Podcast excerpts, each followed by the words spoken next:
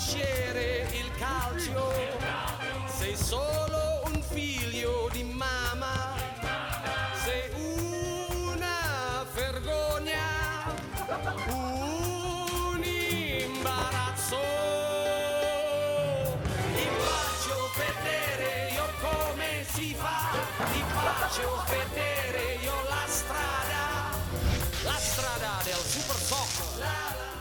Selamat datang di podcast Era Soccer, podcast mingguan Era yang bakal ngebahas seputar dunia sepak bola nih. Nah, kali ini bakal ditemenin sama gue, Pikul. Dan gue di sini gak sendirian, ada tiga orang lagi nih, uh, podcaster dari RFM. Ada siapa nih? Ada Anang, terus ada Acoy sama Arab. Boleh dikenalin dong, dari Anang dulu nih. Halo semuanya, gue anak yoga dari sastra Inggris UNJ tahun 19 2019. Nah, anak era nggak dulu? Anak era nggak? Halo, anak Kaira lah. Oke. Ya, gue ikut ini kok presentasinya kok. Angkatan berapa Sama dulu? Pikul, oke. Teman baik Angkatan ya. Oke, 2019, Pak. benar-benar. Oke, angkatan lah. Next, next ada Arab nih. Halo Arab, kenalin Arab. Halo Edu Friend. Nalin nama Nah, gue ini Arab. ini kagak ada kagak ada ini bukan radio. Oh, Listener, listener, asli. maaf udah- maaf udah kebiasaan. Hei. Oke, halo Keren guys. Di sini gue dikenal sebagai Arab. Yoi. Nama asli gue sih Rafif sebenarnya. Cuman ya udahlah. Di Panggil sini aja gue akan membantu Pikul untuk ngebahas tentang Euro kali ini. Gue dari Oke. PTK 2018. Anak era bukan? Anak era bukan ya? Iya deh, anak era deh. Ntar Angkatan takutnya berapa? enggak Angkatan enggak. Angkatan berapa? Aku angkatan 18. Angkatan gue ya, angkatan. Yo, Oh iya, kasih tau dong, kasih tau lu di era siaran apa nih? Oh iya, gue di era siaran eh, mata acara bola teli, bola teliti Yoi. yang ada setiap Jumat dari jam 3 sampai jam 5 sore. Jadi jangan lewatin ya. Promosi ya, ujung-ujungnya ya. Sekalian dong harus. Benar-benar. Next ada si Acoy, kenalin dulu Coy. Nah, oke. Halo semuanya. Gue Acoy eh, dari Kimia UNJ 2020. Gue angkatan 19 RFM UNJ. Gitu Yoi. aja. AB, anak baru. Yoi. Tidak, eh, jadi di sini kita pengen ngebahas apa namanya? Kan bentar lagi ada Euro nih, ya sih. Yoi. Nah, kita bakal ngetis satu-satu nih apa namanya negara-negara yang masuk eh, Euro 2020. Harusnya 2021 nih. Soalnya kan ditunda kan setahun kan Euro kan. Iya, gara-gara pandemi nih. Masuk ke pembahasan, gue pengen nanya nih, tim jagoan tiga apa sih di Euro? Gue dulu nih, I'll go first ya. Kalau gue sih Prancis, karena emang gue fans Prancis dari dulu, dari zamannya siapa ya? Eh bakal Sakna, atau kan lu bakal Sakna? Bakal Evra, gue udah ngikutin si Anelka gitu. Emang sampai sekarang gue masih ngikutin Prancis. Pakai Sapna itu duetannya si Gael Klisi ya. Klisi atau Ah. enggak si Emmanuel Ebo. Ah, dulu tuh di Arsenal menurut gue Sakna doang tuh yang jago.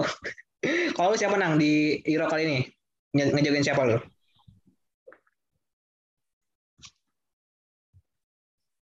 Nang lu masih off mic nang. Oh ya, sorry, sorry, sorry. Ya. Halo, tadi apa? Jagoan lo di Euro nih 2021 kira-kira siapa ya? Alasannya apa? Oh iya ya, jagoan gue di Euro. Ah, kalau gue sih ini sih lebih jagoin Prancis sih. Soalnya kan apa ya dari kedalaman skuad juga dan apa ya performa mereka di timnas sebelum di Piala Dunia juga kan bagus banget bisa dikatakan. Hmm, Apalagi oke. kan kalau eh, apalagi kan kalau dilihat dari gelandang tuh ah, apa ya pemain yang menonjol tuh kayak misalnya Kante atau sama Pogba tuh. Hmm, Oke oke. Kandidat kuat sih kata gue. Tapi emang lu fans Prancis bukan? Eh, se- kalau ngefans sih Jerman gue. Hmm, Jerman. Tapi menurut lu Jerman ini juga nggak? Maksudnya berpotensi juga nggak sih? Eh, untuk saat ini belum sih kata gue. Cuma punya apa ya potensi untuk berkembang lebih jauh lagi sih. Apalagi kalau misalnya untuk persiapan Piala Dunia tahun depan gitu. Eh di ini edisi berikutnya tuh bisa sih. Oke oke. Berarti lu Prancis ya sekarang ya? Iya untuk sekarang Prancis. Nah kalau si ini Acoy, lu siapa coy? Portugal dong gue, jelas. Portugal. Kenapa bisa Portugal? Menghasilkan banyak uang. Hmm, Apa hubungannya sih? Pak, ini namanya parlay. Iya. Apa tuh parlay? Jangan 21 plus. Oke. Jangan dong. Nah, Coy, serius gara-gara uang. ya tau lah Portugal juara Euro 2016, Europa Hmm, Nations League tahun lalu, terus sekarang juga skuad Portugal tuh pemain top-top semua. Ada player of the season Premier League si Ruben Dias, center back, ada Bruno juga nih, Akan Oke. Bruno, sama top skor Serie A nih, ada semua di sini. Portugal. Jadi gue yakin Portugal juara lagi. Oke, cukup kuat. Tapi lu emang fans Portugal apa gimana nih? Enggak sih. Enggak ya? Gue biasanya suka tim underdog. Oke oke. Berarti lu nggak ada tim spesifik di timnas gitu. Misalnya gue fans ini banget nih. Kayak gue kan fans Prancis banget nih dari dulu. Gak ada, gak ada. Oke oke. Oh. Alasan lu cukup puas sih untuk jagoin Portugal. Next ke Arab nih. Lo apa Arab? Jagoan lu? Eh lu ngejagain siapa nih di Euro 2021 nih? Gue jagoin ini aja dah. Makedonia aja dah. Make. Lalu gue Makedonia Habis aja. gue bosen ngeliat tim gede mulu yang juara. Enggak, kenapa apa alasan? Bentar kalau kalau pilih jagoan dikata ikut-ikutan. Enggak apa alasan Cuman lu ngejagain kalau-?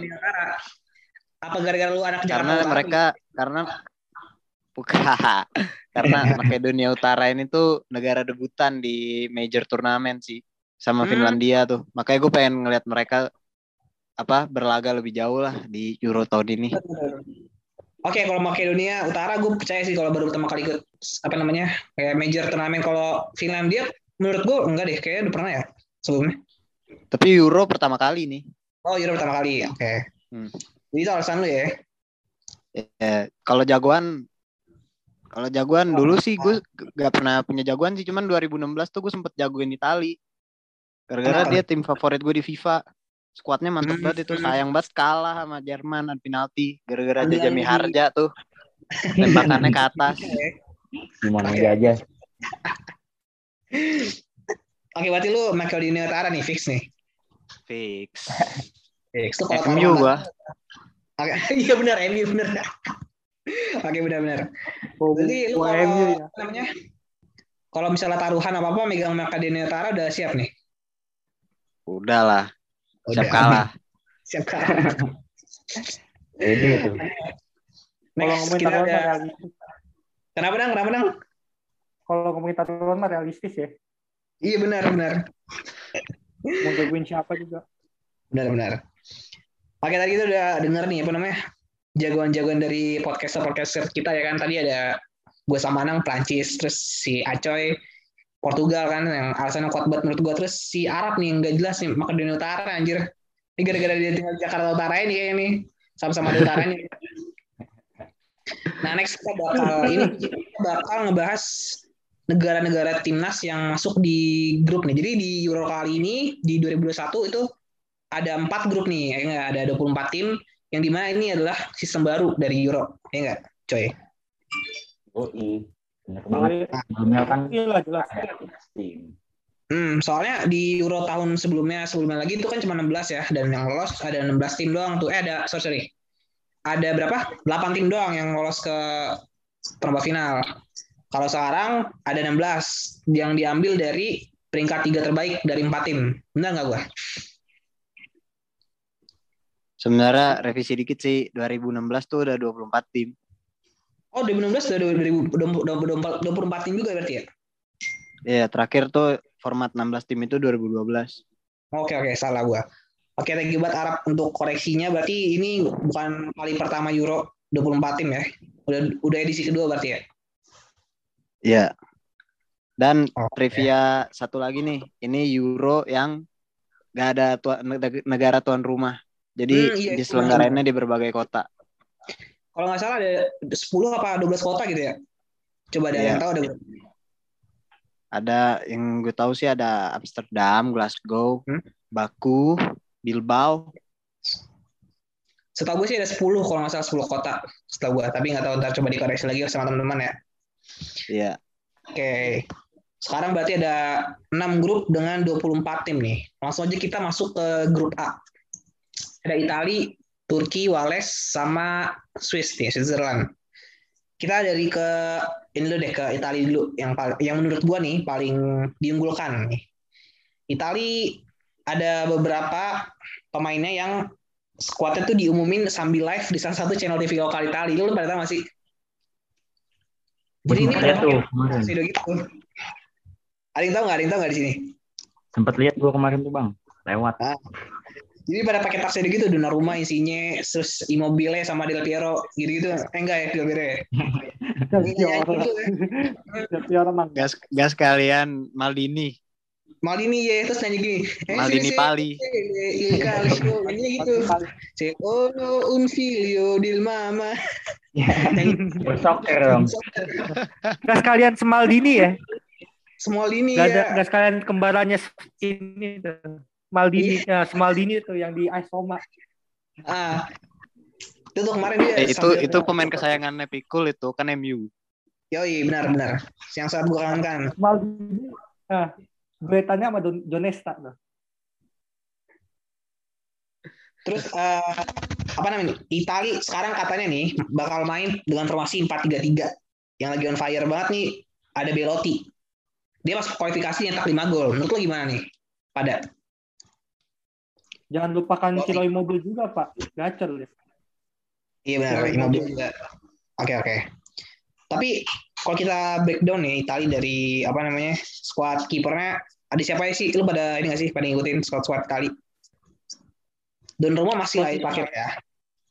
Masih, Masuk tapi ada satu nama legend nih. Salvatore Sirigu. Oh ya. Oh iya. Salvatore Sirigu. itu Itu dia siapa Chelsea PSG dulu. Ah, Gue keren Buffon PSG. gitu yang bakal dipanggil kan. Sirigu lagi.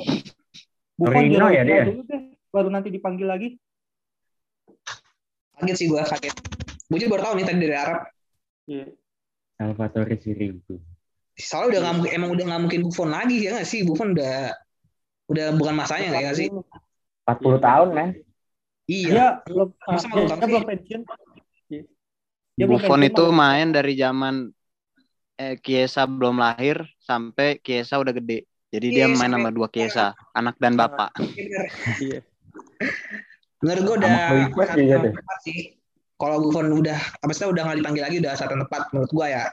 Kalau menurut lu gimana semuanya? Ya emang udah relevan gue sih sih. cuman cuma tadinya sih gue sempet kecewa sih gak ada Buffon cuman pas gue liat ada Chiellini atau Bonucci ya aman lah maksudnya untuk kepemimpinan tim masih aman Nah, cuman tetap aja sih kayak bakal ada kehilangan gitu sih karena Buffon kan gak dipanggil hmm. sebenarnya masih ada pemain senior lah ya. Iya. Yang masih seangkatan Tapi Buffon kata gitu. gua- Iya ya. iya Tapi Chiellini kata- kan ya ini. masih punya wibawa lah Hmm. Iya. Kenapa, Nang? Kenapa, Nang? Nggak, tapi kata gue sih emang lebih baik Buffon nggak dipanggil sih. Menu-menuin kiper masih Benar. Alex Meret juga lumayan menjanjikan sih kata gue. Alex Meret lumayan untuk ini kiper ketiga juga. Tapi kiper utama tetap Donnarumma dong. Benar, setuju gue setuju. Terus untuk eh back nih, back menurut lo Itali eh bener nggak sih sekarang manggilnya masih Cielini terus siapa lagi yang manggil? Gue nggak ngikutin sih. Coba ada yang Bon- Bonucci Bonucci. Bonucci eh, Ada Rafael Toloy. ya siapa Tolo ya? Ada back favorit gue nih back Siapa saya itu? Coba tuh. Floren Florenzi. walaupun dia pemain walaupun dia pemain PSG cuman dia tetap pemain favorit gue anjir back sayap terbaik maksudnya Ya, dia tuh benar-benar bolak-balik kanan apa bolak-balik ma- maju mundur nggak nggak cap nggak ada capeknya tuh dia orang Florenzi Terus siapa lagi nih? Back kan dia main Itali sekarang 4-3-3. Berarti secara nggak langsung dia punya back sayap kiri juga nih. Siapa tuh back kiri sayapnya? Yang pasti bukan kiri biasanya sih biasanya sih ini sih Spinazzola Spinazzola. Oh, walaupun Juventus ya. walaupun dia kaki kanan iya walaupun dia kaki kanan tapi dia mainnya di Kiri. back kiri dia Back kiri. Heeh. Benar. Oke. lumayan sih Spinazzola di Roma gue lihat-lihat. Hmm. Soalnya setahu bingung tuh- gua, Ah. ah, setahu gua tuh back kiri Itali tuh terakhir tuh Balzaretti yang gua tahu. Aduh, Balzaretti itu zaman kapan? Yang gua tahu back Itali itu dia. Kiniler aja Oke, next tadi back udah tuh kan. oh ya jangan Siapa? lupa nih ada ada pemain Lazio juga nih Acerbi? ACRB Oh, oke. ACRB ya, ACRB. Herbie. Lagi lagi na- naik juga sih dia, setahu gue. Naik tuh. Boleh lah buat geser Bonucci. Benar benar. Tapi Lazio yang nggak tahu. Ada ada juga nih pemain pemain mudanya Inter, Alessandro Siapa? Bastoni. Nah itu Oh, tuh Bastoni ini. Bastoni. worth to watch tuh. Gue sebenarnya nggak terlalu ngikutin Inter sih, cuma eh, kalau menurut lu bagus ya udah berarti emang potensial sih. Bukti dipanggil ke ke timnas kan. Siapa lagi? Back lagi ada lagi. Gue soalnya nggak terlalu ngikutin Serie A nih. Kalau Ah, menurut lo ini. Yang, Emerson, yang paling Emerson. janggal nih Emerson tuh. hmm, Ya, Emerson, Emerson Palmieri. Chelsea. Chelsea Hmm, itu di, benar. eh, di Chelsea itu dia pilihan ketiga loh. Maksud gue bahkan ketika Ben Chilwell istirahat atau cedera yang jadi sayap kiri itu Alonso bukan Iya. Emerson. Oh. Nanggung sih kata gue dia. Kalau Karena Chilwell kalau menurut gua ya ini faktor Chelsea juara champion sih. Jadi semua pemain sampai pelapis ke pantat-pantat juga masih dipanggil menurut gua ya. Sampai semua juga masih dipanggil kalau menurut gua. Kebukti sama si Emerson Palmieri salah satunya kan. Iya. Terus next ke kita masuk ke sektor gelandang nih. Dia pakai formasi 4-3-3 berarti di mana dia main kalau nggak holding apa namanya? 4-3-3 holding kalau nggak 4-3-3 yang attacking kan. Ah. Menurut lo eh, siapa aja sih yang dibawa nih sama Itali? kemungkinan gini kalau Kalau- Itali mainnya 4-3-3 holding, pasti ini sih pilihannya tuh dua belakangnya itu Verratti sama Jorginho sama ini Jorginho. Atau enggak di Jorginho. kalau Barella. Barella lumayan sih buat pressing. Barella Kalau tuh Inter ya? Iya, Nicolo Barella. kalau main kalau main lebih bertahan kemungkinan kalau nggak Verratti, Verratti sama Barella di tengah. Cuma kalau misalnya 4-3-3 attacking, Jorginho bisa jadi di playing playmaker. Tapi Barella juga bisa sih dari tengah gitu, ball winning di tengah gitu. Kayak Kante dulu lah, Hmm. zaman-zamannya Sari. Buat tuh Barella. Hmm. Iya, buat sih. Siapa lagi nih pemain yang lagi nih yang dipanggil sama Itali? Selain siapa Ada legend, ada legend Juve nih, Siapa? Bernardeschi. Hmm, Bernardeschi. Si Tapi cadangan mati di dia- Juve tuh. Bentar, dia tuh lebih ke sayap ya, Bernardeschi itu. Iya, Sama sayap sama kayak si ini Kiesa. Chiesa, Federico oke. Chiesa juga bagus sih. Chiesa. Tapi Chiesa itu masuknya ke striker kan yang dia sekarang. Winger lebih ya, winger tapi Masuk maju. winger, winger striker kan. Kalau Oke. ah, Masih ke gelandang nih. Siapa lagi yang dipanggil sama Itali? ada, Ada ini, eh, ada Lorenzo Lorenzo Pellegrini. Pellegrini. iya. Pellegrini itu Roma berarti ya. Hmm. Nah, gimana menurut lo? Ini dia worth it nggak sih kalau dipanggil ke Itali? Sedangkan Roma kan musim lalu udah tahu sendiri kan? WCL. Yes. Gimana tuh? UCL Layak sih pemain-pemain Roma bagus-bagus. Dia kan emang gara-gara pelatihnya aja. Siapa tuh pelatihnya? Sebut aja namanya. Sebut, sebut. Pelatihnya badut. sih. Paulo Fonseca. Siapa pelatih Roma? Emang sekarang gue juga nggak ngikutin sih. Sekarang kan Mourinho baru ganti. Sekarang iya Mourinho. Mourinho. Sebelumnya siapa, Pak? Gue nggak begitu. Sebelumnya Paulo. Fonseca Oh, iya sih. Di- Emang malah yang, ribut sama Zeko. sih. Iya. Tapi pemain Roma emang waktu- bagus-bagus sih. Misalnya kayak ah, Spinazzola, terus habis itu juga si itu seben, ada lagi tuh Nicolo Zaniolo, cuma dia nggak dipanggil. Bagus Oh sih. iya. Zaniolo. Benar-benar. Nicolo Zaniolo, terus habis itu siapa lagi tuh? Iya, Si ada ini siapa? Maxes nggak dipanggil ya. Sayang tuh. Aduh, itu Hmm. zaman kapan? Zaman-zaman Totti tuh masih jadi pemain utama di Roma. Iya iya oke oke. Lanjut nih ke gelandang. Siapa lagi? Udah. Masih Eh, ada sih. ini juga Oh, iya. si apa Stefano Ini. Sensi. Stefano Sensi. Hmm, Stefano Sensi itu pemain. Sih nggak ada sih. Misalnya Oh, Sensi, Locatelli, Cristante. Lucatelli Hmm, ada. santai, benar-benar. Ah, yang menarik nih ada Matteo Pessina nih. Siapa siapa? Matteo Pessina, pemain Atalanta. Gila Atalanta sih, ngeri. Atalanta pasti banyak yang dipanggil sih, gue percaya. Bener-bener bener-bener kuda hitam banget sih. Udah hitam benar. Karena dia di Ah, UCL kayak Leicester lah, A, bilang ah, mirip-mirip inilah kayak Leicester City di ini di Benar. tenis. Cuma bedanya pemain tim-tim atas belum pada ngedown aja nih. Kalau pada ngedown Atalanta juara bisa sih. Oke. Juara Serie A. Tahun depan Lanjut. Atalanta udah fix Scudetto. Fix apa tuh? Scudetto. Enggak sih, gue masih percaya sama Milan sih kalau gue. Kalau gue ya. Masih masih Inter sih kalau kata Masih gue. aja Milan. Milan Milan Ah. nggak Scudetto. Gue nggak. Kalau gue sih lebih ke Milan soalnya Inter udah nggak mungkin. Milan doang di awal. Nah, Masih mungkin bang kalau Inter tuh masih Udah, Lukaku masih stay. Conte kan cabut kan? Iya. Conte cabut. Lagi Tapi Pelatihnya masuk juga Simone Inzaghi, men, Simone bagus. Inzaghi. lumayan sih Simone Iya. lagi tuh. Kalau ngelatih.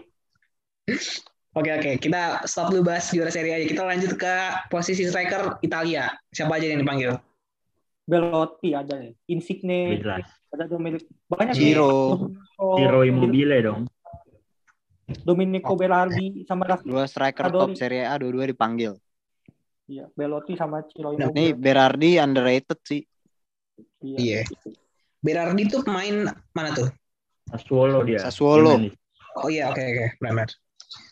Berarti Kalau main kalau 4-3-3 ini sih kemungkinan Chiesa di kanan, Berardi di kiri, tengahnya Ciro Immobile.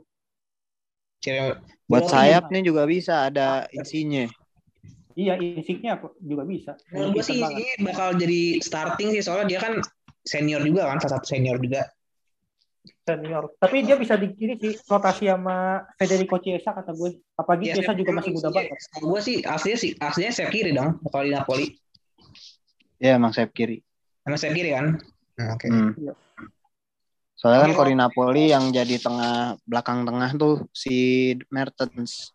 Mertens benar. Siapa lagi nih striker selain siapa tadi? Belotti kan jadi pelapisnya siapa? Immobile berarti kan. Ada Giacomo Raspadori. Siapa Rap? Giacomo Giacomo. Raspadori. Pemain muda baru dipanggil. Hmm, Muda banget ya. gue baru dengar tuh. Oh, itu berarti salah satu pemain muda yang dipanggil sama Italia ya. Iya. Kalau ini masuk masih masuk nggak siapa yang botak lu? Simone Zaza. Zaza Miharza. Iya. Zami Sudah ke laut itu. Udah out deh ke mana. Udah lenyap. Tuh, lenyap di Pemain yang bikin gue kecewa tuh dia. Ah, Kenapa tuh? Boleh tahu Gara-gara penaltinya ke atas. Udah penaltinya lama ngambilnya ke atas. benar-benar. Sebenarnya ada satu yang gue sayang sih dari squad Italia di tahun ini. Kenapa? Dia tidak memanggil ikon striker Italia tahun 2012. Tahu nggak siapa? Siapa? Mario Mario Balotelli. Balotelli.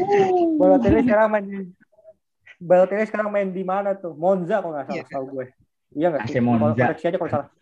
Iya. Enggak, tapi gak bawa Monza juga, bawa Monza promosi. iya. Oh, bagus ya. Cuman ada kelakuan aja dia mah. Pada tengil. Ya karena Balotelli kan Balotelli kan emang angkat dua tengil. Gara-gara kena sering kena rasis juga dia makanya tengil banget. Iya. Nah itu dari tadi kita udah ngebahas Italia nih.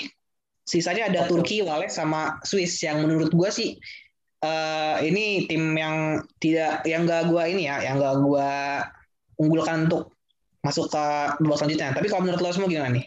Dari Turki dulu. Turki. Turki. Hmm, Turki di apa ya? Gue berharap dia banyak bisa bicara bicara banyak sih di fase grup. Mungkin Hmm. runner up grup bisa kali harusnya. Kalau kalau menurut gue sih dari skuadnya. Kalau menurut lo, menurut lo berdua gimana nih, Coy sama Arab? Gue dulu kali ya. Boleh boleh. Kalau Silakan, silakan. nih, si Turki bisa jadi lawan sepadan sih buat Italia. Apa apalagi komposisi pemain-pemain mereka yang sekarang tuh kayak Caglar Soyuncu, terus. Burak Yilmaz juga baru menang itu. Iya. Likuan. Likwang.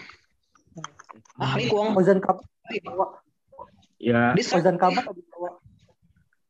oh Zan Galo nggak dibawa. Eh enggak, maksudnya lu nggak bahas Ozan Kabak juga. Nggak ini lagi twin si Soyuncu tuh. Salah satu back terbaik kalau menurut gue di Premier League. Masalah Jadi Kabak juga sekarang salah tim juga kan, kenapa masuk Liverpool gitu ya?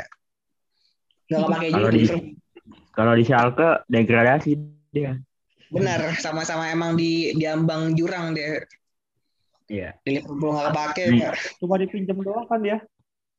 Iya. Oke lanjut lanjut. Kabar tadi Kalau menurut gua si, si Turkinya ini bisa kemungkinan besar bisa jadi posisi kedua atau si tiga terbaik itu tuh yang bakal ngaju ke babak selanjutnya. Oke, Itu sih kata gue. benar-benar. Nah, kalau gimana? Kalau lu gimana, Rap? Mana ya? Turki ini sebenarnya dia kalau yang dari yang gue lihat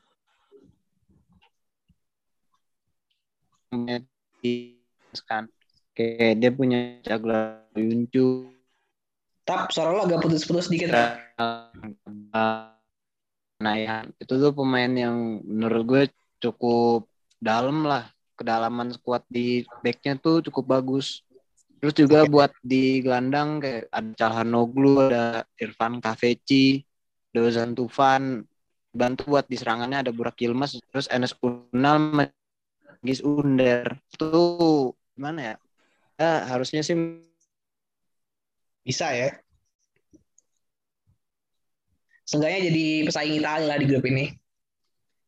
Nah, kalau tadi kita udah ngebahas Turki, menurut gue sih ya iya benar Turki juga bisa salah satu jadi pendamping Italia untuk lolos kalau menurut gue karena gue masih percaya banget sama pemain-pemain kayak tadi tuh yang disebutin Soyuncu yang masih yang di Leicester dipakai banget kan jadi starter juga terus ada Cheng Tosun ya bener gak gue Cheng Tosun Iya, iya ada.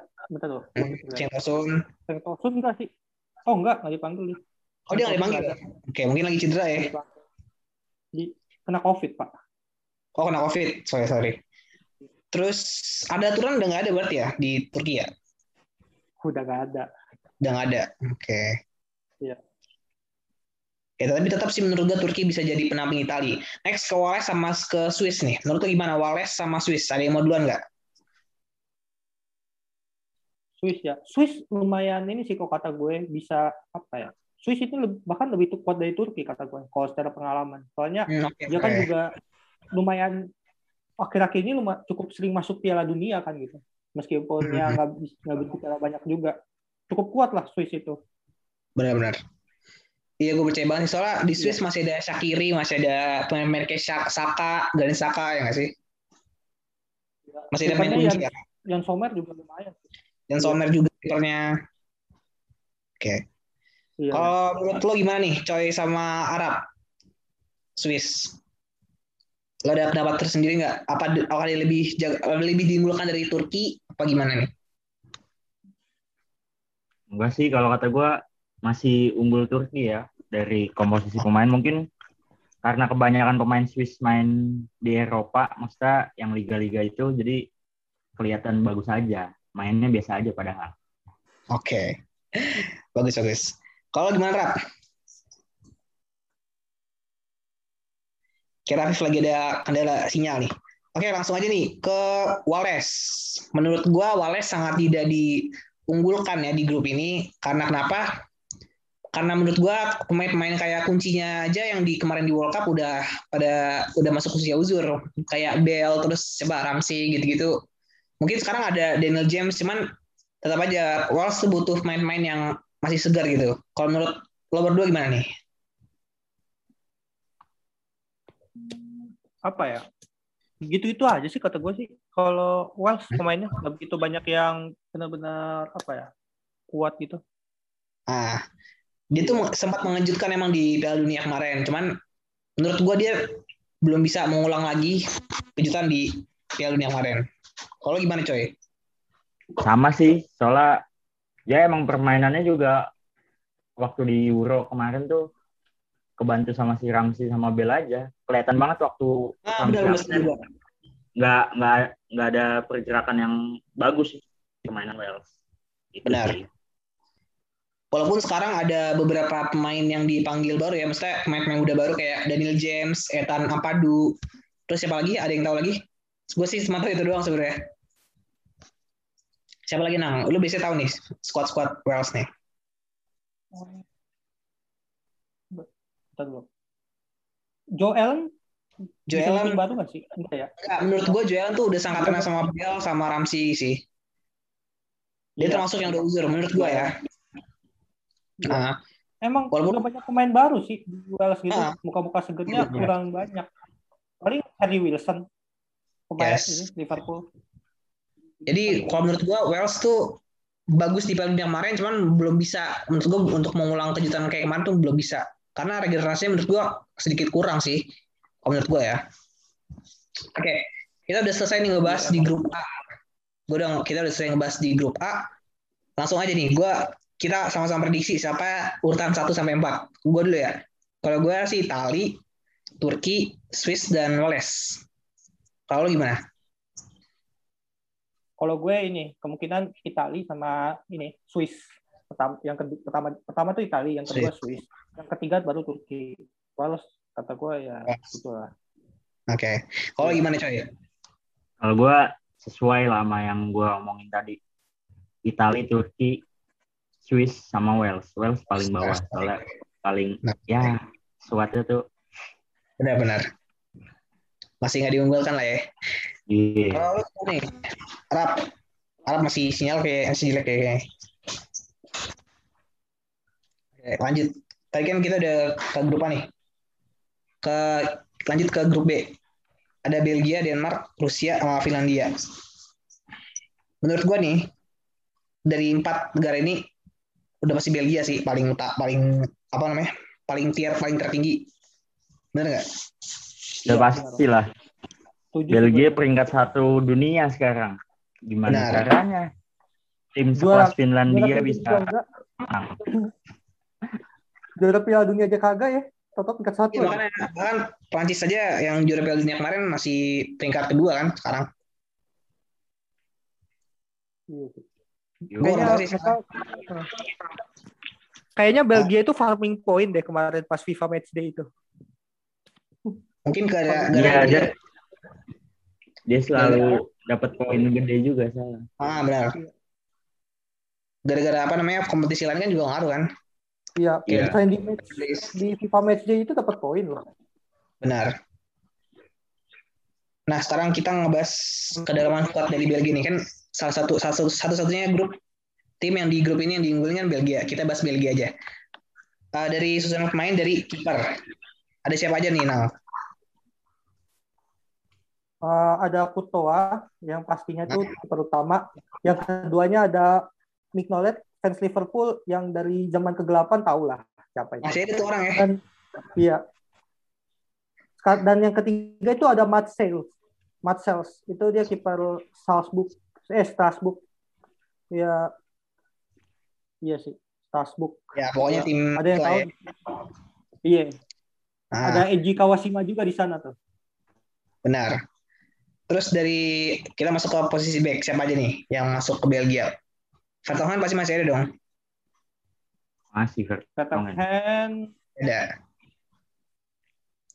Toby Vertonghen. Alderweireld. Toby Alderweireld, Thomas Vermaelen aja masih dipanggil. Oh iya, Oh gitu. Oh iya yang benar. menga- menga- mengejutkan loh Vermaelen itu. Iya, dia udah main di Liga Vermaelen Jepang, itu udah tapi nggak begitu kedengeran lagi. Ah, di Jepang dia tadi kata Liga. Jepang tapi masih masih dapat tempat di skuad Belgia yang saat ini cukup mewah ya. Benar. Iya, Enggak, mungkin sih karena emang Belgia nggak ada regenerasi lagi menurut gua ya.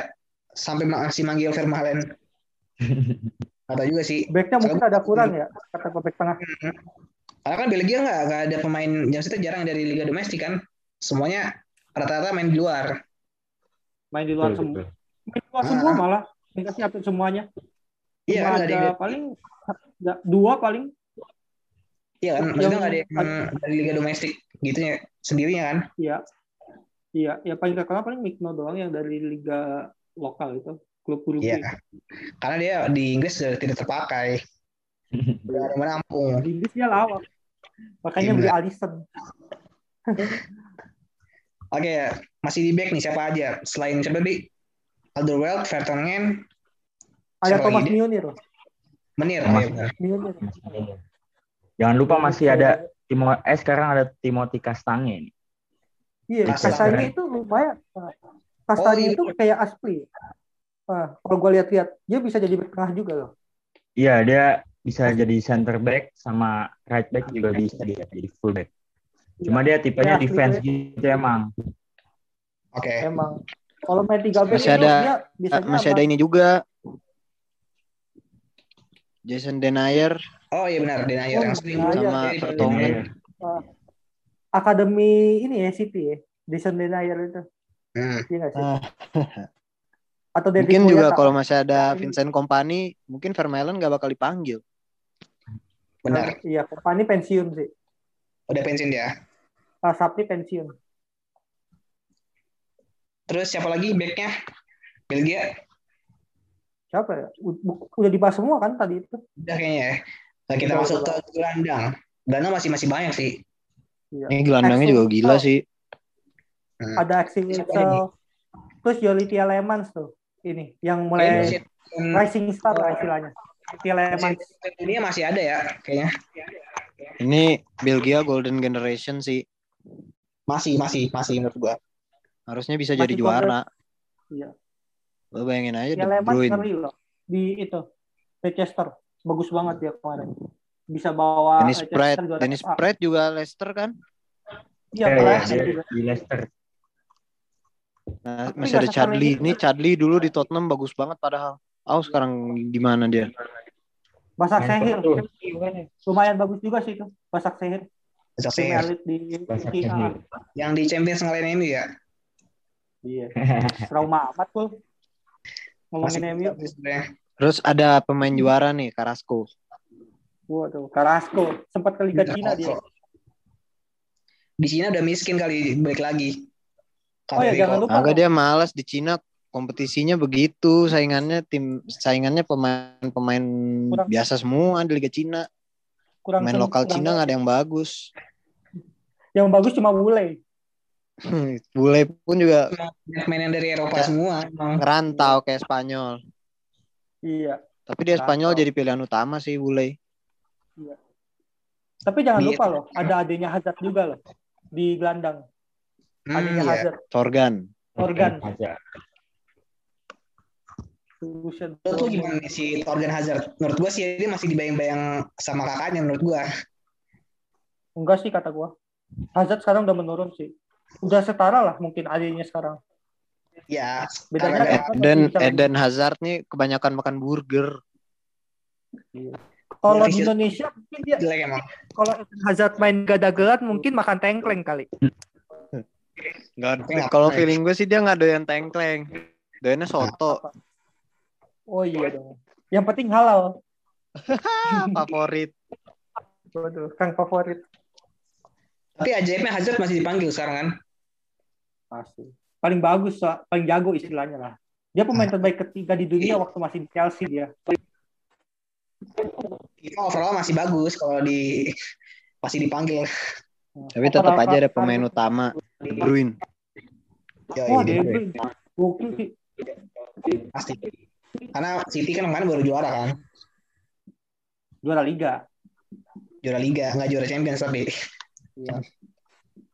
De Bruyne dikantongin kemarin Pak sama Ben Chilwell. Benar. Eh Ben Chilwell iya.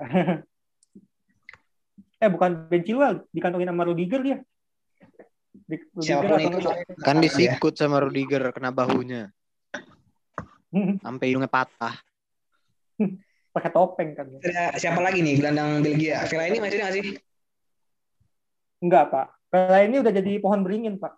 Gak ada lah, Nggak. Vela ini gak bakal dipanggil. Rambut dia udah nggak nggak dipanggil lagi kayaknya. Siala udah hilang deh. Ada nih. Nah, ada nih yang menarik nih, yang ada asing. Hans van Aken. Pemain klub Brugge juga dia Hmm, sama kayak Mikel Smollett. Anaken tuh main klub Belgia kan. Iya, Brugge. Sama kayak si Mikno. Hmm, oke oke. Salah satu regenerasi. ya. Regenerasi umurnya itu 228, Pak. Oh, udah 28 lumayan ya. Nah, kalau mau ngomongin regenerasi tuh Yori Tielemans loh. Benar. Dennis Praet ya. Tapi emang nggak maksudnya mungkin Praet masih juga ini ini masih golden generationnya Belgia sih kan sisaan dari Masih. World Cup 2014 masih ada tuh sampai sekarang. Iya, nggak ya Januzaj? Apa? Cuman Januzaj nih kagak ada kagak ada corner taken quickly nih Siapa tuh? di Fok Origi Origi. jarang dipakai, Pak. Iya benar. Lagi jarang dipakai, Pak. Nggak salah Tapi Liverpool super sub, men. lagi Iya. busuk juga kemarin. Ah, sekarang lebih sering Cuman dipakai Origi di- menurut gue di- sup- Cuman Origi tuh super sub terbaik, men, menurut gue. Mautnya benar-benar di momen krusial ya selalu bagus. Benar. Udah kayak Torres ya. Cuma bedanya Torres cacat aja kalau di momen gak penting. Nah, Siapa lagi nih? ngomongin Gelandang. Belgia. Nasser Chadli udah dibahas. Udah kan? gelandang mah udah semua. Si itu udah nggak ada. Penyerangnya doang. Gue lupa tuh yang botak di Belgia. Gue lupa namanya. Ada yang tahu maksud gue nggak? Kompani. Bukan ada gelandang Belgia dulu yang botak. Siapa ya? Gak Oh, tampang sih. Ini. Lai, Lai Nainggolan. Oh iya, Nainggolan ke mana tuh sekarang dia? Oh, nggak sih? Nenggolan. Nenggolan udah terlalu tua sih. Udah enggak ya? Kali-kali kan dia, bukannya? Iya, ke Galeri. Gak tau deh. Belum. Dia nemenin bininya katanya kanker. Hmm, oh. Iya. Udah pensiun dah dari timnas. Iya. Kan ke striker. Pasti Lukaku dong masih ada. Pasti lah. Oh iya dong, Lukaku Lukaku, tuh- Batshuayi, Lukaku itu Benteke. pernah guna, Pak. Hyper carry Inter Milan. Benar. Bisa jadi striker, bisa jadi Lukaku back. nih lagi bertahan. dan kayak adenya dong si Jordan, Jordan Lukaku. Oh, Jordan Back Lukaku. sayap tuh dia di Lazio. Belgia juga kan? Cuma nggak dipanggil sekarang ya? Iya Belgia tapi Tangan- nggak dipanggil. Lagi nggak dipanggil. Nggak dipanggil ya? Ya Emang beda jauh sih. dia sama- ketutup sama kastanya sama Meunier nggak bakal kepanggil. Benar, benar. Setuju. Selain Lukaku nih, jangan lupa juga nih ada yang krusial juga. Mertens sama Oh iya, Mertens. gue udah gak bisa bilang Hazard lagi sih soalnya Hazard udah turun sekarang cuma nggak tahu kalau di Belgia dia berbicara Tapi ada sih, ada pem- ada muka-muka yang cukup baru sih. Misalnya kayak Leandro Trossard. Itu pemain Brighton. Leandro Trossard sama Jeremy Doku, pemain Rennes. Umurnya baru 19 tahun loh. Wah. Bahkan tuan ya, daripada dia. Tuan gue nih, juga berarti. Iya. Sekarang kan nih, waktunya sekarang kan waktunya yang muda yang bersinar. benar tapi belum tentu juga bisa bersinar kan sekarang gue pengen bahas penggantinya Lukaku apa pelapisnya Lukaku nih banyak banget nih ada Benteke sama ada si Batshuayi Nah. menurut lo nih proporsional nggak sih dia bawa dua pelapis buat Lukaku Kayaknya Lukaku deh yang bakal nge-carry dia berdua. Nggak, iya, tahu gue pasti Luka, pasti Lukaku bakal jadi goal getternya Belgia. Cuman, Gua ah, maksud gue efektif nggak sih dia bawa dua pelapis gitu? kata gue sih gue bingung ya. dia tuh kayak satu. Kenapa? Gue rada bingung juga sih. Soalnya perlu nggak perlu sih. Maksud gue Benteke sama Batshuayi itu gimana ya? Mungkin Benteke kayaknya mungkin yang bisa, yang harusnya yang bisa nggak dibawa gitu sebenarnya. Kok kata gue paling bisa nggak dibawa. Michi itu masih Hmm. muda sih kan. Kalau dan apa ya? Kalau kata gue sih Benteke sama Batshuayi cara mainnya juga ada mirip sih. Mereka kan ngandelin kecepatan gitu. Poacher gitu lah istilahnya. Yes. Kalau nah, kalau Lukaku emang pilihan utama karena dia complete forward. Artinya Oh, di iya. satu sisi tadinya kencang, di satu sisi juga body balance-nya kuat. Cuma finishingnya aja sih yang rada ini. Gue Tapi lebih itu. Origi daripada Benteke. Tapi nggak tahu yang lain. Ya. Enggak, kata gue gini, Benteke di bawah juga kata gue, eh Benteke diganti Origi juga gimana ya? Tapi Masih Origi bisa sayap dong. Masih bisa sayap dong Origi. Ya. Karena Belgia udah cukup kita bahas ya, udah banyak. Udah squad segala macam. Sekarang kita masuk ke tiga tim lainnya nih. Ada Denmark, Rusia, sama Belanda. Eh, Finlandia, sorry. Dari Denmark dulu, Denmark. Gue mau minta pendapat da- dari lo semuanya tiga-tiganya tentang Denmark nih gimana? lumayan sih Denmark. Eh, Denmark kata gue lumayan sih. Maksud gue kipernya lumayan kuat gitu. Backnya juga. Bentar dulu. Uh, Yang Denmark udah nggak ada. Bettner dong. iya udah pensiun dia. Kasper emang Kasper bagus sih kata gue sebagai kiper. Meskipun apa ya, kalau di liga kayak gimana ya? Mungkin dia gak, gak begitu menonjol karena emang lawannya kuat-kuat sih kata gue. Strikernya kuat-kuat gitu. Oke. Nah. Nah, menurut lu gimana nih? Kap, Coy. lu. Lo ada komentar nggak? ya. Boleh dulu, Acai dulu boleh. Kalau kata gue Denmark salah satu tim yang cukup kuat ya. Dari kipernya aja dia udah ada kiper pengalaman dari Leicester si Michael. Terus BK ada yang baru menang Liga Champions kemarin, Christensen. Sama back utamanya Milan sekarang juga Simon, Simon. Ya, iya. terus dari gelandangnya ada. Eriksen. Ada Eriksen sama Nih, ya, Yannick Vestergaard. ya. oh Ah, iya jadi tuh. Vestergaard di Southampton Vestergaard di Southampton tuh vital banget tuh. Benar-benar. Nah, lalu gimana? Gue mah percaya sama Kapten Subasa, Nggak, Erikson. karena- Hmm, benar. Karena dia habis juara di Inter kah atau gimana lu ngeliat Erikson? Hah? Karena lu ngeliat Erikson tuh gara-gara kemarin habis juara sama Inter apa gimana ya? Gimana ya? Erikson ini tuh dia dianggap sebelah mata kan. Padahal dia di Tottenham tuh kayak udah memberikan yang terbaik gitu. Cuman ya mungkin dia udah kalau menurut gue ya ini kayaknya Erikson udah sholat istihoro sih. Terus akhirnya pindah ke Inter dan dia tahu kalau di Inter dia bisa juara. Akhirnya jadi ya salah satu pemain inti lah di Inter. Gue bisa bilang. Terus juga di Denmark kebantu sama pemain gelandang-gelandang bagus sih kayak si Holbjerg Barcelona. Ah, Terus juga Thomas Delaney, Daniel Vaz. oh iya. Bukan. Oke. Karena apa ya semua pemain yang keluar dari Spurs tuh pasti bakal dapat piala sih. Salah Oh iya, Erikson. ja- jangan jangan lupa juga di Denmark ada Lord tercinta kita, Waduh. Martin, Lord Bradway. Martin Bradway. ah, kemarin ketika Bednar pensiun gelar lotnya diserahin langsung ke Braithwaite tuh. Iya soalnya gue Terpijap ya dia. Terpijap dia. itu striker striker murni terbaik di Barcelona. Menurut gue. Soalnya emang Barca nggak Eh, punya lu- lagi. Barca nggak ada Lo bayangin, striker lo lagi dong. bayangin, lo bayangin, Iya. Barca rela membuang Suarez demi Bradway. Iya, Dikasih makanya. nomor 9 pula. Gokil loh. Gokil. ini striker murni terbaik di Barcelona. Sekarang ya. Iya. Satu-satunya. sekarang. Ya. Dembele kaki kaca, Messi false nine.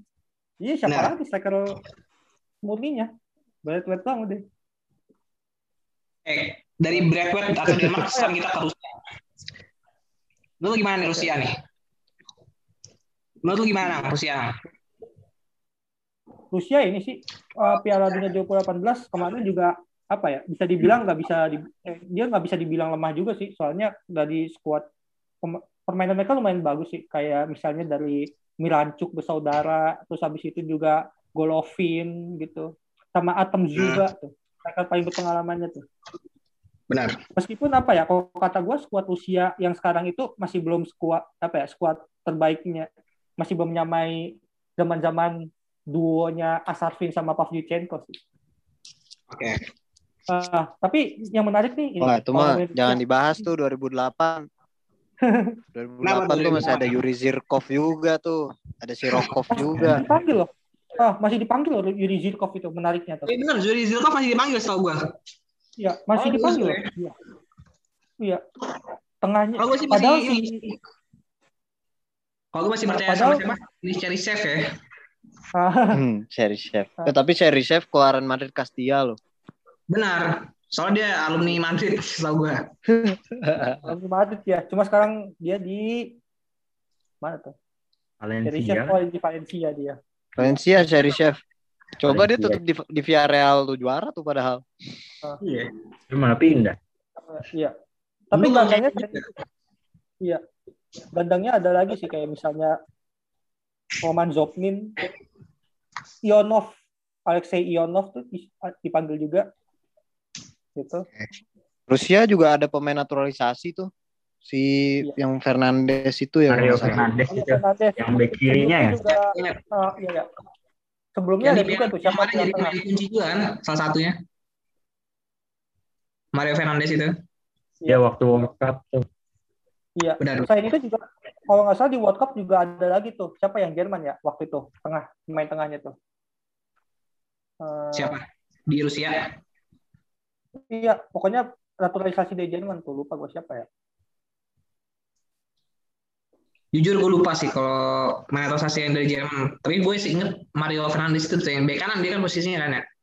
Ada Mario Fernandes kemarin. Soalnya Rusia tuh terinspirasi Rusia tuh terinspirasi dari timnas Indonesia di AFF 2010. Gue yakin sih nggak referensi nggak situ, cuman emang kebetulan aja. Betulan, iya. Gak mungkin kan dia naturalisasi Gonzales, Ivan Badim kan nggak mungkin juga. Oke, next eh, Rusia tadi siapa yang belum? Acoy, gimana coy menurut kalau Rusia? Kalau nggak ada sebenarnya sih nggak apa-apa coy. Kita langsung ke Finlandia nih. Finlandia yang gua tahu sih sebenarnya cuma Temu Puki, cuma nggak tahu kalau lo gimana nih masing-masing. Pak, ada Hradeki sih kalau untuk Finlandia terus habis itu juga ada misalnya tim Sparv gue lumayan yang lumayan gue tahu tuh ada tim Hmm, Sparv ada juga iya Finlandia. Dulu Finlandia tuh yang gue inget cuman back zaman dulunya doang si Sami Hipia. Finlandia, yoi. kami tahu. Hipia Jari Litmanen Jari Litmanen Oh, jadi- Litmanen lebih legenda. lebih lawas lagi. Lebih lawas lagi. Jauh di bawah Hipia.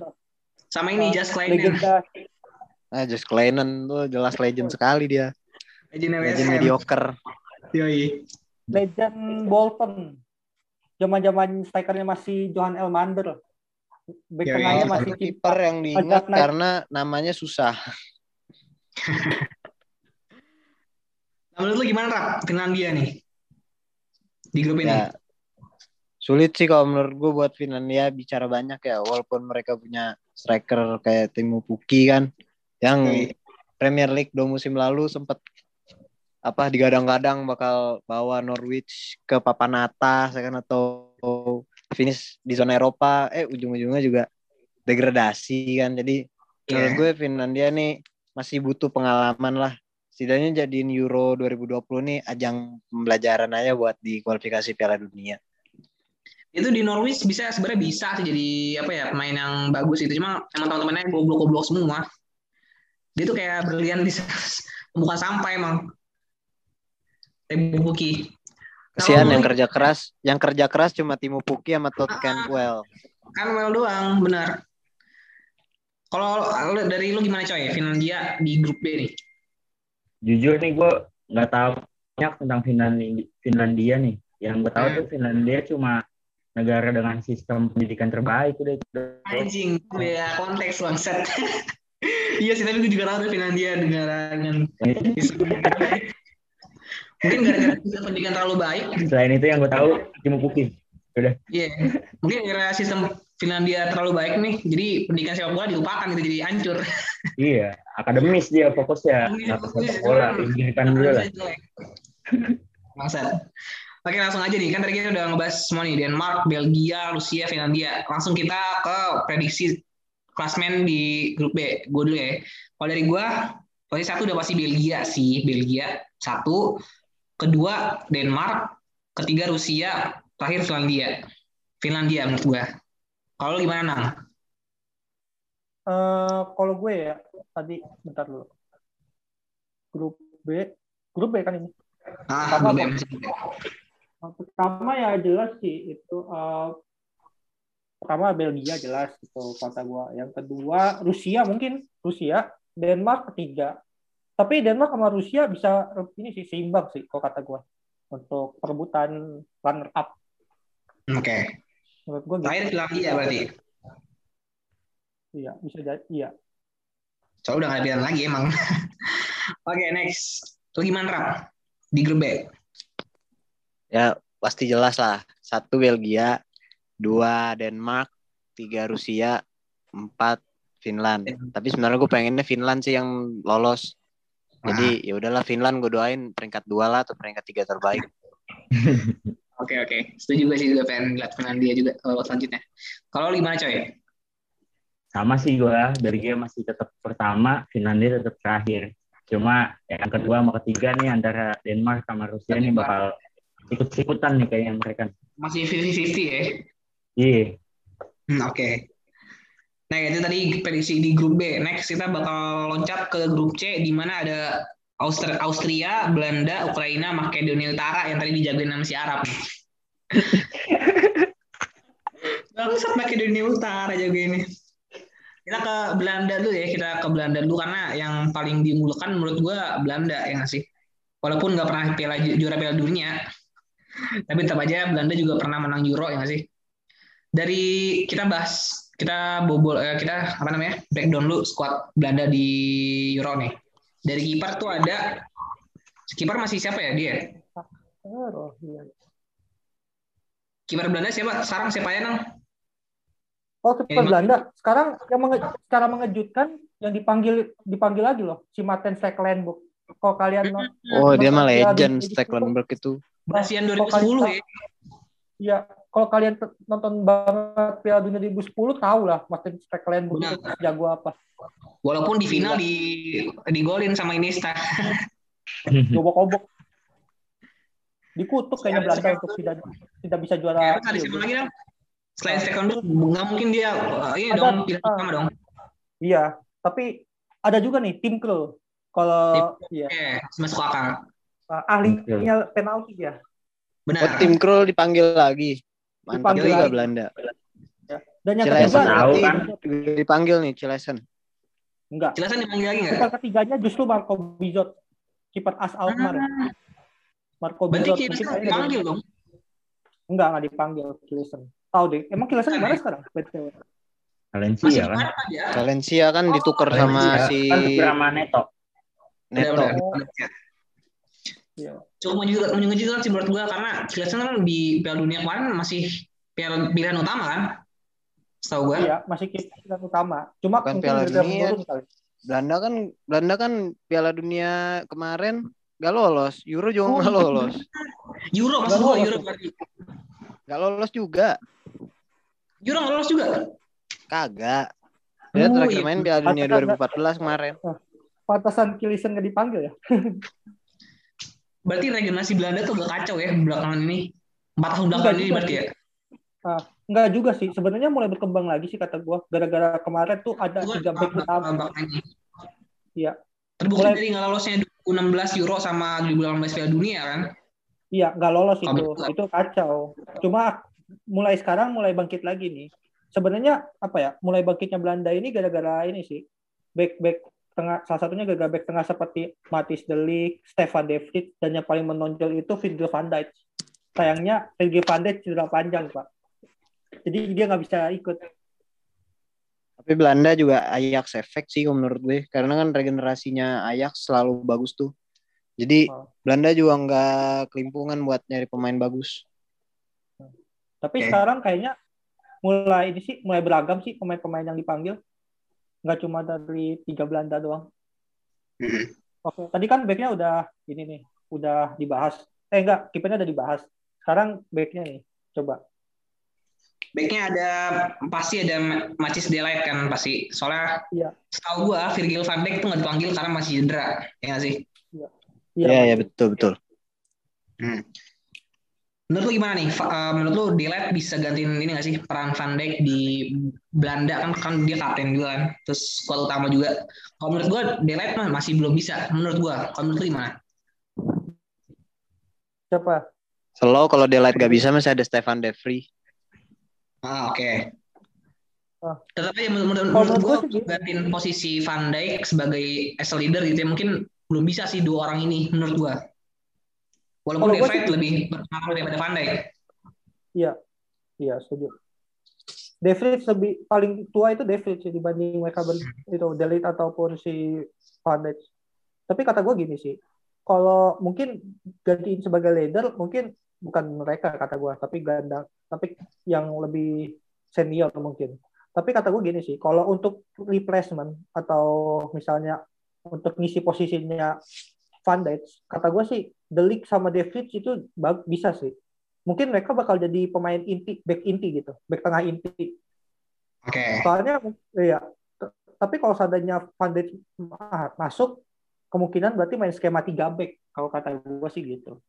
Cuma Hmm. gara-gara cedera aja mungkin bakal main 4 back kata gue dan ada juga sih nih back ini seperti Patrick Van Van Aanholt, Daley Blin mungkin kalau Benar. Daley Blin apalagi nih buat gua buat yang fans MU nih tahu Yoi. Nathan back Ake, dia kan Ini ini banyak Tentang pemain akhir. Premier League ya. Banyak banget. Iya. Patrick Van Aanholt juga dari Crystal Palace, sih nggak sih? Yo. Ada Joe Veltman juga dari Brighton. Ah, Joe Kita Feldman. next ke posisi gelandang ada Frankie De Jong pastinya dari Barca. Terus ada yang menarik ada ini juga nih, Davy Klaassen dari Ajax. Dia dipanggil lagi nih setelah beberapa lama nggak dipanggil timnas Belanda. Davy Klaassen ini lumayan senior sih sebenarnya. Lumayan senior, cuman udah beberapa kali nggak dipanggil kan. Hmm. Kemarin Tapi kalau untuk- salah dia kan.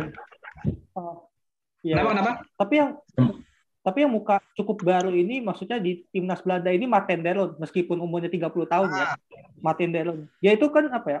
eh, salah satu kunci dari meningkatnya performa Atalanta sih. Bagus sih kata gua, Martin Delon ini. Keren. Ada ini juga Ryan Nah, Gravenberch dari Bar- dari Ajax. Dia juga wonderkid Iya. ya. Wonderkid, Iya. wonderkid. Tapi yang gue paling bingung gini, Gravenberch. tapi yang paling janggal gini, kenapa ada- Donny van de Beek gitu? Apakah dia di, di- ya. dipanggil buat ah, buat ngedoain ini kah dari bangku cadangan? Enggak, enggak. Karena menurut gue Donny van de Beek itu sebenarnya masih ya ini, masih apa ya? Masih ada kualitasnya lah kalau untuk di Belanda. Bahkan di MU juga gue masih percaya masih ada kualitasnya. Cuman emang gak ada kesempatan main aja kalau di MU ya. Kalau menurut gue gitu. Enggak itu pembelaan gue sebagai fans MU aja sih sebenarnya sih. Iya sih, ya. Terus juga ada Gini Wijnaldum yang pastinya pemain senior juga ya. Iya, Walaupun di masih bap- lagi bapuk-bapuknya. Cuma menurut gue masih worth it sih kalau Wi- Wijnaldum dipanggil. Menurut lu gimana nih yang lain? Jelas lah, pasti pasti dia di tengah sama Frankie De Jong sih. Masih duetin ya? Iyalah. Sama Van de Beek juga sih menurut gua dia bakal pakai formasi 4-3-3 kayaknya. bisa ini sih empat empat dua diamond bisa. Ada Martin Delon juga jangan lupa. Terus juga nih ada nama pemain lama yang dipanggil lagi, Quincy Proms. Tahu nggak sih Wow. Quincy Proms? Tahu gue, dia sempat tenggelam, terus habis itu tahu Naik muncul lagi. lagi. ya. Benar. Iya. Agak mengejutkan juga sih nama-nama seperti Quincy Proms. Terus juga ada lagi eh Martin Jano tadi udah disebutin juga ya. Terus ada ini Tian Kop Miners dari AS Alkmaar. Gua nggak sebenarnya nggak tahu nih siapa pemain. Ada yang tahu nggak? Ini mungkin gara-gara sempet AZ dengar. lagi bagus kali ya. Jadi pemain-pemain AZ lagi pada dipanggil. Ah makanya. Jujur gua nggak tahu tapi ini dia dari AS, AS Alkmaar. Mungkin salah satu wonderkid juga ya. Gua nggak tahu juga. Next kita langsung ke posisi striker nih. Ada Steven Bergwijn, ada Luke De Jong, Memphis Depay, Cody Gakpo dari PSV, ada Donny Malen, Daniel Malen, terus ada Wout Weghorst. Gimana nih menurut lo semua? Striker utama pastilah fake horse. Atau Weghorst enggak dari dulu Wout. De Jong. At- Kalau nggak De Jong, Horse sih. Iya, kalau Meskipun menurut kalau gua menurut sih, lebih Jong sih. gede kan dari uh, Luke De Jong, soalnya lebih pengalaman. Hmm. Depay Tapi saya. yang menarik Depay saya pasti. Depay saya sama, sama ini dia, Stefan Bergwijn. Bergwijn, benar.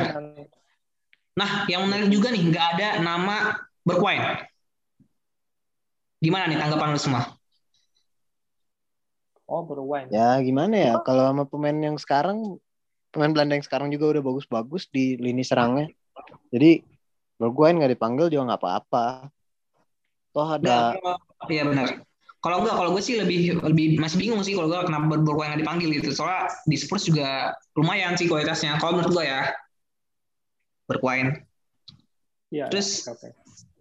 tetap Tapi leb- iya sih, nggak kalau di- nggak nggak bisa seberpengaruh Depay atau fake horse. Nah, setuju gue. Tapi kalau sama dibandingin sama Depay emang nggak bisa dibandingin. Udah gitu masih ada Stefan Bergwijn juga kan di Iya. di, di line up-nya si Belanda. Terus Iya, juga benar. ada ini Cody Gakpo nih, gue gue baru kenal, baru tahu nih, baru agak familiar, nggak familiar di kuping Iya. gue. Si Cody Gakpo Emang debut, emang debut sih ini kalau gue lihat nih. Dia belum pernah main di timnas Belanda sebelum eh timnas seniornya sebelumnya. Cody berarti si Gakpo. apa nih, Menarik sih. Frankfurt agak gambling juga ya. Mungkin gimana ya? Mungkin hmm, buat nambah pengalaman dia kali. Benar, benar, benar. Terus ada Daniel Malen, PSV. Ini kayaknya juga performanya lagi naik nih, ini orang. Ya dia Daniel salah Malen. satu striker PSV yang lagi naik down nih. Hmm. Kalau nggak salah dia lagi di Sama Eran Dahapi. ah Kalau nggak salah dia lagi diincar sama beberapa klub top Eropa kan si siapa nih Daniel Malen ini. Setahu gue, setahu gue, cuma nggak tahu deh. Ya itu mah kita tunggu aja kata-kata sang le- sang Lord Fabrizio Romano. Wah. Kita lihat nanti perkembangan transfer gimana. Oke dari Belanda segitu dulu nih ya pas kita breakdown squadnya. Nah sekarang kita masuk ke tiga tim yang tidak diunggulkan yaitu sebenarnya ada satu yang diunggulkan cuma sama sama si Arab doang. Ada Austria, Ukraina, sama Makedonia Utara. Kita ke Austria dulu nih. Gimana menurut lo semua? Austria. Hmm, Austria lumayan menarik sih. Kalau dilihat dari skuadnya sih. Coba kita lihat dulu. Alaba. Alaba. Gua cuma tahu yang baru bakal pindah ke Madrid. Yang gue cuma tahu ada Alaba di Austria terus sama Arnautovic doang udah. Tapi nggak tahu menurut lo gimana. Karena Arnautovic ex West Ham. Eh Iya. masih di West Ham gak sih dia? Dia enggak ya? Menarik, udah ada ah. pindah ke Shanghai Port. Ke Cina Cina berarti. dia. Ke Iya. Cina benar. Yang menarik ini loh. Kiper kalau dilihat dari capsnya tuh kiper apa ya? Kiper yang dibawa di Austria ini eh, mungkin baru-baru dalam tanda kutip nama baru gitu. Soalnya capsnya itu dia di bawah 10 semua. Oke. Iya, jadi gue rada bingung sih kiper utamanya siapa nih. Tapi kalau untuk back kemungkinan Hinteregger sama ini Blagovic. Blagovic. Ya masih performa masih oke nih. Iya, Terus juga ya cukup gue tahu. Benar di bagian di gelandang ada cukup yang familiar yang gue tahu juga ada Baumgart Klinger dari Leverkusen itu gue masih kenal tuh. Sama Iya. ada Valentino Lazaro nih dari Mönchengladbach sama Sabitzer dari Leipzig. Sisanya gue nggak tahu, sumpah. Kalau yang menurut Arab nih, Arab lu gimana Arab? Kalau ngeliat Austria sekarang nih. Austria. Nah, Gimana ya? Austria nih paling masih tetap gak berubah sih dari Euro 2016 juga kan mereka walaupun digadang-gadang bakal lolos bakal lolos tapi kejadiannya kan selalu gitu gagal gagal jadi paling tahun ini gagal lagi sih dia gak maning gak maning ya. Gue nggak yakin sih bakal ini lolos juga. Oke. gue. Kalau dari skuadnya meskipun apa ya cukup mentereng lah gitu. Coba Terbukti kita dari- lanjut ke striker atau masih Nah, terbukti Atau dari masih mau lanjut gelandang? pemain nggak familiar ya. iya. Kalau gimana coy? Lihat Austria nih. Sama sih dilihat dari komposisi pemainnya yang Oke. rada-rada mediocre mungkin ya dibilang Benar, bakal nggak bakal bertahan lah dia di Euro ini apalagi lawannya Belanda Yes. Belanda Emang ada yang kita juga nggak tahu juga ya. Kita next aja nih. Ya, kita Dari lihat nanti aja Austria. Ah. Austria kayaknya nggak meyakinkan. Kita lanjut ke Ukraina. Gimana Ukraina? Yang gue tahu nih main di Ukraina yang dipanggil tuh cuman Andriy Biatov dari Shakhtar Donetsk udah pasti karena dia kiper Ukraina dari lama ya, udah andalan. Terus yang gue kenal cuman siapa lagi ya? Zinchenko dari City, ya nggak sih dari Ukraina juga tuh dia. Zinchenko terus eh, siapa lagi nih? Andre Lunin Lunin, ya benar. Ada Yarmolenko juga dari West Ham, setahu gua. Gue cuma tahu itu doang. Kalau kalau gimana? Ah, tapi menariknya Andre Lunin itu nggak dipanggil loh untuk ini UEFA. Benar, Lunin nggak ada. Gue baru nyadar nggak ada namanya Lunin. Nggak ada nggak ada namanya. Ah, benar. Mungkin karena satu dengan Mungkin karena lain. mal, ya. Ah, mungkin karena malas kali bersaing dengan Adri Piatov. Benar, benar. Ah, Nah, lu kalau- tapi padahal ini. tapi padahal Ukraina ini tim juara Piala Dunia 20 kemarin loh. Hmm, oke. Tapi Takutnya kan- skuadnya lagi skuadnya bagus-bagus regenerasinya harusnya. Nah, Tapi kalau dilihat sih kayak gini, kebanyakan pemain Ukraina ini liga lokal sih, jujur. Oke, ya berarti Iya, dan juga di- dari Shakhtar Donetsk dan Dinamo Kiev. Iya, tentu aja itu. Itu dua Ah, tim menurut- kayak uh, Barca Madridnya ini. Dinamo apa ya? Barca Madridnya Ukraina lah istilahnya. Tapi kalau gue pribadi ya, gue sih nggak terlalu percaya sama Ukraina sih. Kalau lu gimana nih bertiga? Ah, kalau gue, bentar dulu. Ah, kalau gue apa ya? Ah, ini bahkan sedikit lebih kurang sih, kok kata gue sih dibanding Austria sih. Maksudnya Austria, Austria itu apa ya kalau dilihat dari popularitas tapi kita nggak bisa nilai juga sih misalnya dari popularitas sih jadi gue nganggapnya mungkin ada seimbang lah dengan Austria gitu. Gue menunggu misalnya gue menunggu dalam tanda kutip kejutan sih. Apalagi misalnya nama-nama gelandangnya itu seperti Zinchenko terus habis itu ada Sergei Sidorchuk mungkin kalau ya kalau kalian suka main PS main Evolution Soccer gitu kok terus main pakai Dynamo Kiev gitu. Terus ada juga uh, Adria Molenko, Taras Stepanenko dan apa ya dan Ruslan Malinov Stepane Iya. Stepanenko ini ya Shakhtar ya. iya sama ini Ruslan Malinovski dia itu juga salah satu tulang punggungnya Atalanta sih dan, oh ya, Juve. dan, iya dan ada Roman Bezus loh pemain Gen kalau kalian tahu sih Tapi basic sedikit telat nih. Zinchenko di apa? namanya di Ukraina tuh dimainkan sebagai back atau defender. Mungkin back kiri kali ya. iya Karena di City juga dia kan kalau nggak salah di back kiri juga ditaruhnya. Jangan sih. Iya. iya ada ke belakang juga meskipun kemampuannya Hmm. lebih ke ofensif ya Benar. Nah kalau lu gimana Rap, mandang Ukraina di Euro nih? Gimana ya Ukraina tuh apa nggak ada Shevchenko tuh rasanya gimana gitu kayak Shevchenko kan jadi pelatih pak bisa Mohon gue. Gue sanjung-sanjung gitu. Alex kan jadi pelatih. Beda Iya maksud beda Iya. udah nggak punya striker kayak Shevchenko lagi Benar. di Ukraina. Mau tuh jadi udah kagak ada ikonnya walaupun sekarang jadi pelatih cuman ya tetap aja kayak ya Zinchenko belum bisa kasih pembuktian yang yang bagus lah buat Ukraina gitu. Cuman gue nggak tahu nih kalau dari generasinya U20-nya Ukraina kemarin harusnya sih mereka bisa lah lolos. Ya soalnya kan nggak tentu semua pemain yang dari U20 kan dipanggil semua dong. Iya, karena kan dilihat juga dari performa di liga gimana. Oke. Nah kalau dari lu gimana nih coy? Ukraina. Kalau menurut gue mungkin secara squad dia masih kurang da- lebih kurang daripada di Austria sama Belanda ya. Tapi Hmm. biasanya dari tim-tim kayak gini bakal ada muncul satu pemain yang gemparin dunia nih. Jadi permainan dia bisa benar-benar layak untuk ditonton gitu. Hmm, Oke. Bakal banyak Mungkin bukan satu kali. yang lebih tepatnya ini kali beberapa pemain inti kata gua mungkin mirip Islandia eh bukan Islandia mungkin yang waktu 2016 kemarin benar-benar ngejutin mengejutkan masyarakat ya Bisa jadi. Ada biasa dari tim-tim kayak gini kan. iya Hmm, Ya kayak gitu sih kalau menurut gue. Oke. Nah sekarang gue- kita langsung masuk ke klub yang tadi dijagoin sama Arab nih, Makedonia Utara. Di mana yang pemain yang gue tahu cuma ada beberapa nih. Ada Goran Pandev yang emang udah veteran banget di Serie A ya setahu gue. Sekarang dia main di Genoa sama eh, tadi siapa namanya Elif Elmas yang main sekarang main di Napoli. Nah sekarang langsung aja nih gue nanya, kalau semua gimana pendapat tentang Makedonia Utara? Dari Arab dulu deh, Arab soal tadi ngejagoin Makedonia Utara nih. Ya, gue harap Makedonia walaupun dia diremehkan ya, Iya. semoga aja diberi kekuatan, ketabahan, supaya bisa Lulus ya. melangkah ke babak selanjutnya.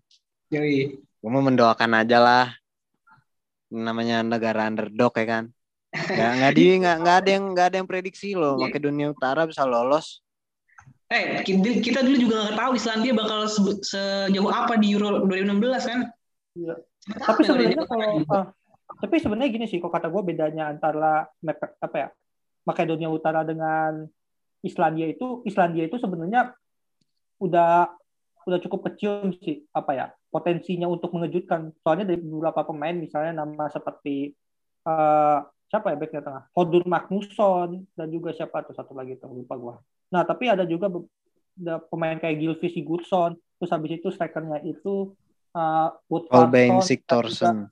Iya, dan juga Kolben Sigtorsson. Iya. Oke. Dan juga sebenarnya Islandia cukup punya nama sih semenjak zamannya Edur Gudjohnsen zaman dulu itu. Yoi. Tapi kita sekarang kesampingkan dulu Islandia karena mereka nggak main di Euro 2021. Gua nggak tahu Iya, kenapa. sayang sekali. Benar. Nah terakhir nih, lu gimana coy ngeliat Makedonia Utara nih? Sebelum Melihat kita bakal Makedonia, pemain-pemainnya banyak yang tidak saya kenal ya. Ada beberapa yang dikenal mungkin kayak Banyak Alioski nih, pemain Leeds. Si bek kanannya Leeds, terus ada Elif Elmas di Napoli itu tadi. Tapi kalau dilihat dari keseluruhan skuadnya, ini nih di Ah. antara itu yang lain. Mungkin bisa malah bisa jadi posisi kedua, mungkin nggak ada yang tahu kan. Yoi, bener juga. Nah, sekarang kita langsung aja. Gimana tapi ngomong apa? enggak maksudnya iya emang rada gimana ya, meragukan sih tim-tim selain ini tadi disebut eh, Belanda gitu. Nah, setuju, setuju. Eh bukan. Iya. Pokoknya Oke, langsung aja nih. Dari grup C kan kita udah ngebahas satu. Langsung aja kita prediksi siapa yang dari peringkat klasmen 1 sampai 4 nih buat yang nanti yang lolos. Kalau gue dulu ya. Kalau dari gue sih udah pasti Belanda ya, nggak usah diraguin lagi. Terus kedua menurut gue Austria dan ketiga Uk- Ukraina, terus terakhir Mak- Makedonia Utara. Kalau gimana? Iya. Kalau gue sih gini nih, eh, apa ya? Iya, sesuai prediksi lo. Eh enggak, kalau gue gini, pertama Belanda pasti. Yang kedua mungkin Ukraina kali. Kata gue Ukraina ini pun Hmm. lebih bisa mengejutkan kata gue dibanding Austria gitu. Yang Austria mungkin ketiga bisa lolos, asal mungkin mereka bisa jadi salah satu dari tingkat tiga terbaik. Dan yang keempat Makedonia Utara sih, gitu. Pasti. Oke, kalau gimana? Yang pertama pasti Belanda ya. Itu nggak nggak terelakkan sih. Maksudnya Benar. Jomplangnya kekuatan di grup ini ya jadinya nomor satu pasti Belanda. Oke. Nomor dua ya nomor dua gue berharapnya sih Makedonia Utara ya. Cuman kalau realistis nomor duanya Austria mungkin. Harapan. Ya, nomor tiga Ukraina, baru terakhirnya Makedonia Utara. Cuman gue sih berharap keajaiban Makedonia Utara bisa nomor dua gitu. Iya, iya, iya. Oh, berharap aja terus. Gue juga berharap MU menang Champions League setiap tahun setiap musim. Cuman kan next. kalau MU gini doang grup neraka. Iya. Oke, lu gimana coy? Gue juga berharap Arsenal bisa ngangkat piala UCL. Udah, udah, udah, udah, udah, udah, udah, udah. Oke, oke. Next coy, gimana coy? Kalau menurut gua karena gua terinfluence banyak oleh Bang Arab ya. Hmm. Jadi peringkat satu Belanda, peringkat duanya Makedonia. Ayo hidup Makedonia. Ah, Rakyat Makedonia, I love you. Gitu. Peringkat ketiganya Ukraina, terakhir Austria. Gitu kalau kata gue. Aneh Austria. sih. jadi unggulkan, Iya. nggak apa. Tapi juga harapan ya nggak sih? Yo, Oke, dari grup C kita move ke grup D. Ada Kroasia, Republik Ceko, Inggris, Skotlandia. Kita bahas Inggris sama Kroasia nih, kita breakdown dikit-dikit. Dari Inggrisnya, ini ada yang ada sedikit yang ngejutin sih, soalnya Inggris tuh manggil empat pemain yang berposisi di masing-masing klubnya itu dia right back atau back kanan. Tapi kalau di Inggris belum tentu masuk back kanan. Terus eh, di antara empat pemain itu adalah ada TAA atau Alexander Arnold, ada Kyle Walker, ada Trippier, sama ada Reece James. Nah, kalau menurut lu gimana nih pendapat lu semua nih? Nah, kalau gue sih ngelihatnya apa ya? Kalau kata gue mungkin bisa jadi Kan TAA bukannya dicoret ya? Kan dia cedera kan? Ya, yes, ada update baru ternyata TAA dicoret nih sa- Iya. eh, gara-gara cedera. Jadi cuma ada tiga jadinya. iya. Berarti nggak berlebihan dong harusnya. Harusnya nggak berlebihan. Nah, Cuma tadi menurut malah kalau gua agak aneh aja sih tetap. iya, kalau kata gue sih sih. Iya ya. Kalau kata gue sih gini, kalau kan ada asumsi bahwa nanti si Southgate ini bakal mainin tiga back kan. Sebenarnya kalau dilihat sih mungkin si James bisa jadi back tengah gitu mungkin. Soalnya kalau dilihat dari kemarin juga kan waktu lawan Leicester gitu contohnya gitu. Si Rishi James itu punya potensi untuk jadi back tengah. Mungkin mirip-mirip Aspilicueta mungkin perannya di Chelsea kalau dilihat-lihat gitu. Kalau gue misalnya gitu. James ke back tengah juga harus bersaing dengan Maguire dong. Agak susah juga sih. Iya. Sama pemain MU yang paling mahal. Iya.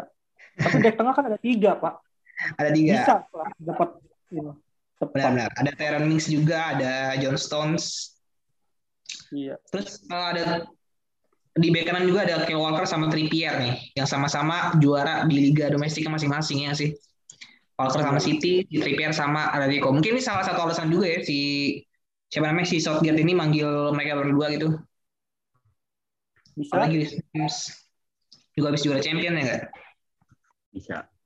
Benar. Karena si si Walker juga kan bisa di posisi jadi center back juga kan. Terus kalau Multifungsi dia. gua Trippier bisa dipakai keadaan set piece set piece gitu dia set piece-nya mantep sih kayak free kick Nah. atau mungkin corner yang ngambil bakal Trippier kalau misalkan dia dipasang itu sih Terus di posisi bek kiri nih ada bek terbaik eh, penerus penerus Roberto Carlos ada Shaw. Gue berani ketawa deh ketawa aja. Gua kira gua kira penerusnya Ben Chilwell nih. Kemarin barusan ngangkat Ya, piala. Ben Chilwell, hoki aja itu dia masuk di suka Chelsea numpang nama doang. Shaw harus ini yang jadi Ya berarti berat, berarti Shaw salah pilih klub. Harusnya jangan MU. Iya. enggak sih, Harusnya sih. apa tuh Arsenal? Enggak, enggak. Daripada ngomongin salah pilih klub, kita langsung ke eh tadi lupa ya, kipernya belum malah nih. Ada Dean Henderson, Sam Johnston sama Jordan Pickford. Agak tricky nih nama-namanya. Pickford masih aja dipanggil.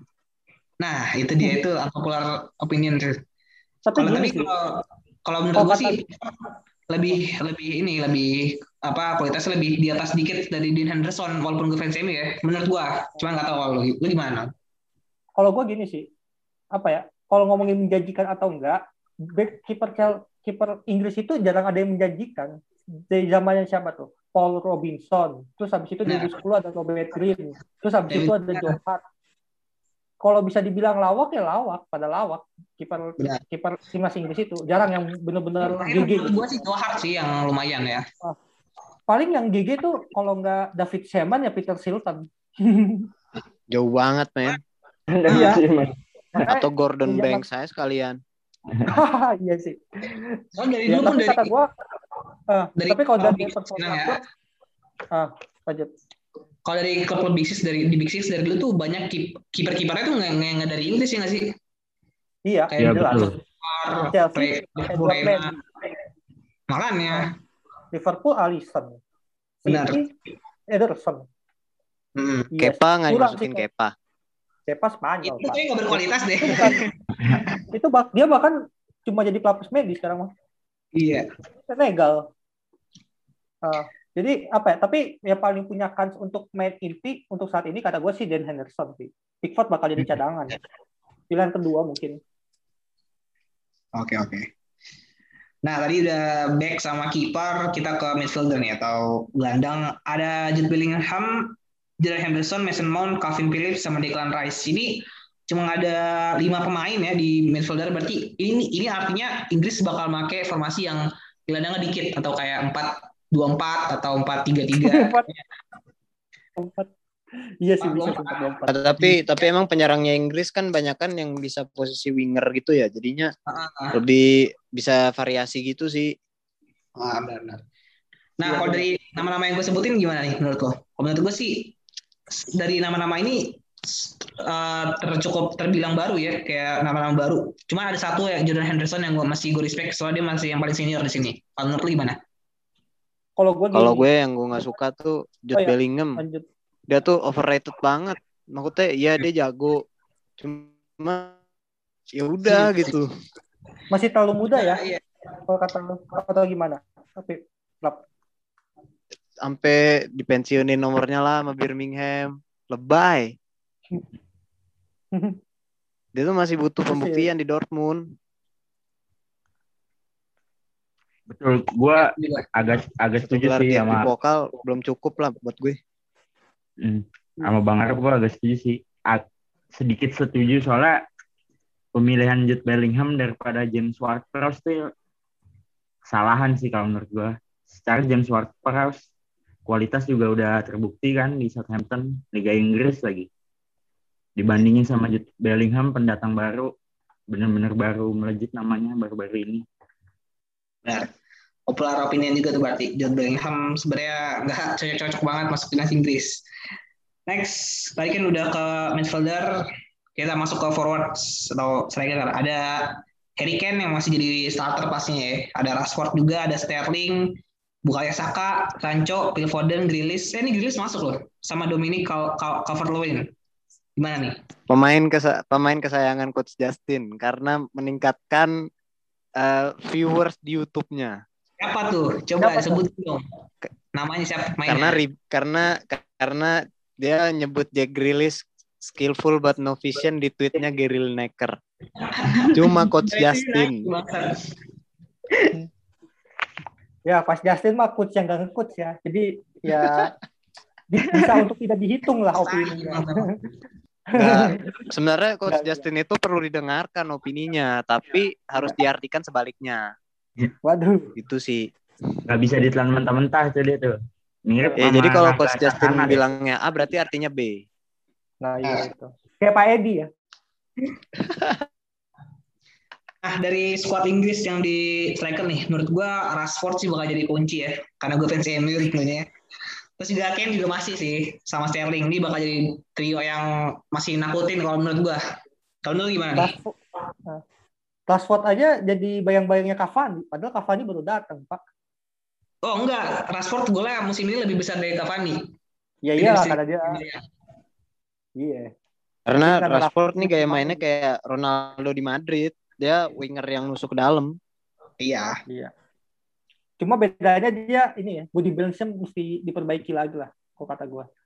Masih suka jatuh. Iya benar. Tetap Pasti Kane nih. mesin gol utama pasti. Kane pasti lah. sih, pasti. Ujung pasti. tombak dia. Si goal getter dia. Ah. Terus ada Jadon Sancho nih nama yang cukup mengejutkan karena di Dortmund kan musim belakang ini enggak agak menurun performanya menurut gua ya gara-gara dia nol KM sih sebenarnya kayaknya. Gara-gara apa? Lah MU. Tawa gue bang. Pengen Iya. ke MU. Emang tiap pemain yang ke pengen ke MU atau bahkan ke MU tau-tau menurun aja. Terus pas keluar tiba-tiba gacor. loh. Bingung juga gua. Nah, selalu Kayak sih. Lukaku emang. Kayak kena santet pemain MU mah. Iya sih emang nggak semua. Ya, Cuman namanya juga namanya juga klub setan nggak berkah. Aduh. Harus ganti logo ya. Bikin ini nasi merah putih dulu di Old Trafford gitu. Hajatan. Undang ini juga nih. Petinggi Manchester petinggi City juga jangan lupa tuh. Biar Oh, berkah. iya. Harusnya Old Trafford tuh gambarnya malaikat Iya benar. biar berkah atau enggak ada tulisan ada tulisan kaligrafinya biar malaikat masuk. Nah, benar benar. Trevor Jangan lupa patung. si Glazer diusir tuh. Karena Iya. Glazer itu rajanya setan. Oke, kita balik lagi nih ke Inggris. Kan tadi udah ada siapa? Rashford, Kane sama Sterling. Tapi menurut gue pelapisnya sih juga worth it juga sih. Si Rashford uh, bisa diganti-ganti sama San- Sancho, terus ada Phil Foden juga. Terus ada si Jack Grealish sama si Bukayo Saka. Menurut gue ini oke sih sama Dominic Calvert-Lewin. Menurut gue worth it sih. Harus takut nih sama Inggris menurut gue tim-tim lain. Menurut lo gimana? Calvert Lewin ini sebenarnya kayak nggak keluar potensinya gitu di di Everton. Padahal dia pemain bagus ya. Di Inggris kelompok umur aja tuh dia juga bagus banget. Cuman ya gitu. Di Everton tuh kayak mati. Ini potensial kayak mati. Benar, benar. Bentar, sorry, gue kurang setuju sih. Soalnya apa ya, Calvert Lewin beberapa kali jadi ini sih penent, kayak pencetak gol penentu gitu. Nah, Meskipun itu- bareng sama Carison gitu juga sih. Nah itu masalahnya dia cuma beberapa kali doang, nggak sering-sering. Jadi nggak bisa bawa Everton ke atas. Iya. Karena di awal-awal sempat Everton peringkat satu kan. Ah, Kak, jadi tuh kalau menurut gue performanya si Calvert Lewin ini tuh tenggelam gara-gara lini tengahnya kurang kurang padu. Benar, Jadi nggak bisa ngalirin bola ke striker. benar-benar. Kalau untuk yang lain gimana nih? Selain cover win.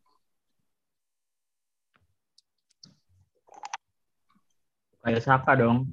Bisa Selain Calvert bakal Lewin ya. jadi pembeda. Yang gue bingung nih, kenapa ada Raheem Sterling gitu? Tolong jelaskan dong. Sterling, Emas lah. Sterling menurut gua masih worth it sih karena di City kan juga masih lari-lari joget-joget ala-ala itu kan masih kepake sih. Buat Lagi menghibur. dinosaurusnya dia itu. Iya. Jadi kayak Buat bahan lawak ya. Nggak sih jujur kayak di City dia masih oke juga sih walaupun kemarin kalah di si sama Chelsea ya. Walaupun gua agak senang juga.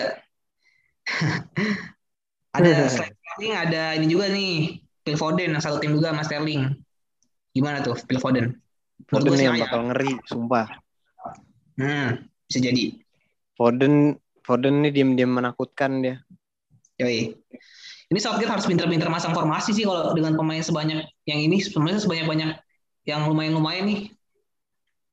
Gue gak tahu formasi berapa yang bakal dipakai ya. Kayaknya 4-2-4 nih sebanyak ini. Empat, dua, empat, Tapi lumayan juga sih karena regulasi Euro kan sekarang boleh pergantian lima pemain ya. Jadinya nguntungin juga sih ini buat Inggris. Ah, iya. Enggak. Bukan buat Inggris. Jadi mereka buat, bisa nyerang terus. buat semua tim kayaknya. Enggak, maksudnya konteks Inggris kan karena dia pemain yang bis- bisa dibilang attacking lah. Pemain menyerangnya tuh banyak banget variasinya. Jadi bisa taruh semua pemain yang tipikal penyerang gitu lah. Benar. Terus udah dari Inggris kayaknya udah semua kebahas nih dari skuadnya. Sekarang kita pindah ke Kroasia. Nah Kroasia nih ada yang uh, apa ya? Maksudnya squad squad lamanya juga masih ada, masih ada Modric, masih ada siapa namanya?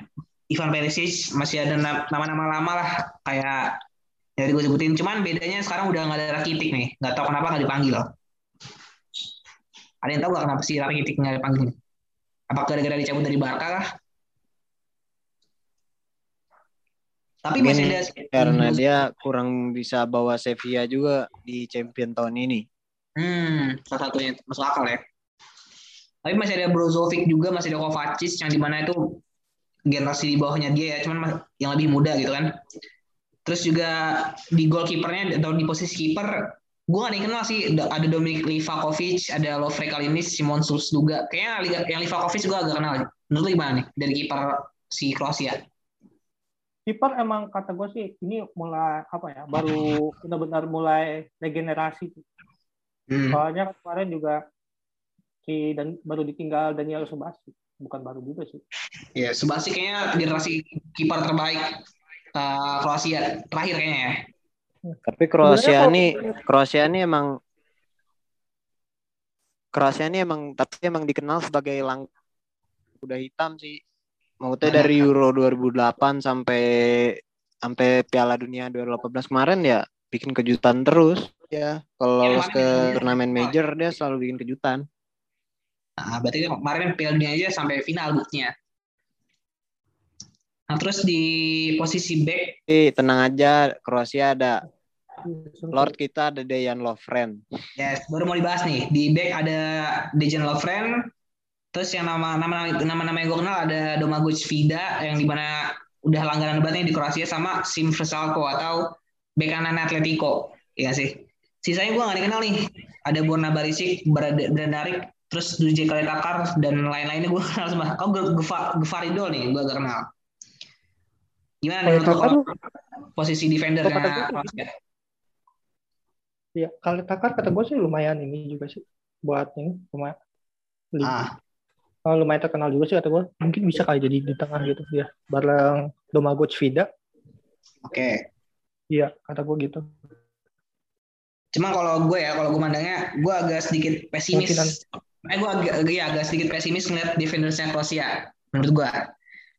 Gue lebih percaya diri sama gelandangnya tadi udah gue sebutin tuh kayak ada masih ada Modric, masih ada Kovacic, Brozovic, terus ada Milan Badel juga, Nikola Vlasic, Mario Palit, Mario Pasalic, terus Ivan Perisic juga masih ada.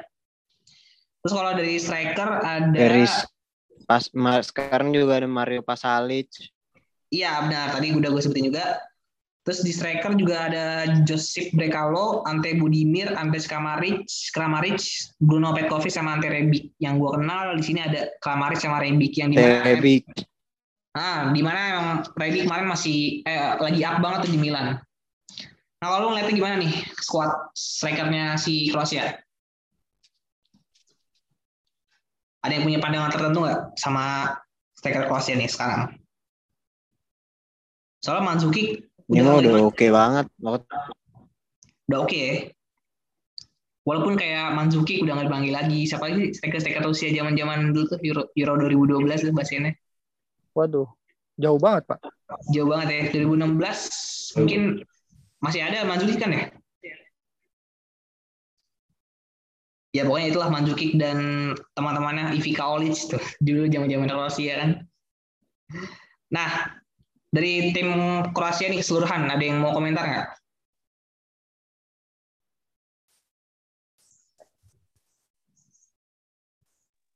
Mungkin kata gue sih apa ya, bisa cukup berbicara banyak juga sih. Mungkin sampai semifinal lah, kalau dilihat dari kekuatan yang sekarang ya gitu. Hmm. Oke. Nah tadi kita udah ngebahas dua tim yang diunggulkan di grup D. Ada Inggris, ada Kroasia. Next ke Republik Ceko sama Skotlandia nih. Langsung aja yang dibahas, langsung gue rapel. Ceko sama Skotlandia. Ceko menurut gue, karena gue taunya Ceko itu cuma Peter Cech dan yang lainnya gue nggak tahu, menurut gue tidak diunggulkan. Sedangkan kalau Skotlandia masih uh, diunggulkan, soalnya gue masih beberapa tahu kayak ada nama Robertson, ada McNominay, ada Kieran Tierney, dan lain-lain. Nah, kalau menurut lu gimana nih? Bener gue agak setuju sih sama lu bang. Soalnya Skotlandia masih ada di si nama-nama besar dari Liga Inggris dan liga-liga yang lain, liga top liga Eropa yang lain.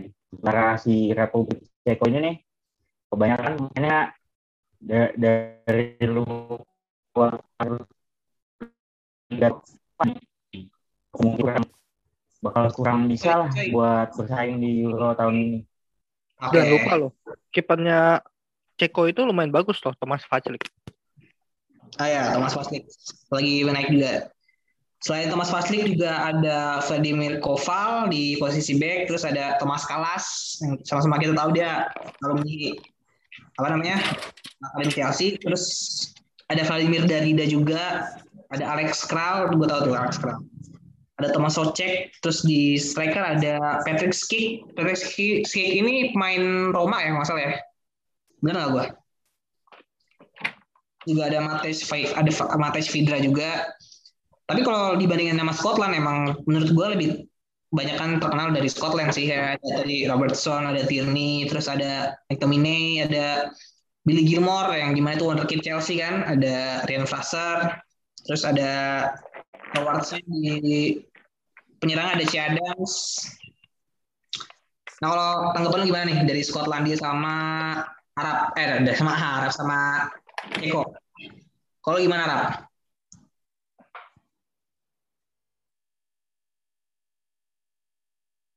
Arab lagi gangguan sinyal ya?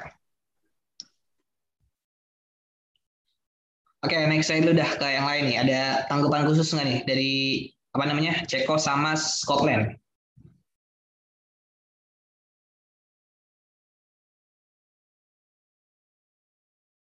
Cek eh suara gue masuk kan ya? Masuk, masuk, masuk. Oke. Okay. Oke, okay, kalau misalnya nggak ada, kita langsung ini aja ya. Prediksi klasmen buat grup D nih dari 1 sampai 4. Gue dulu ya. Kalau dari gue sih pasti Inggris pertama. Kedua Kroasia, terus Skotlandia, terus Ceko.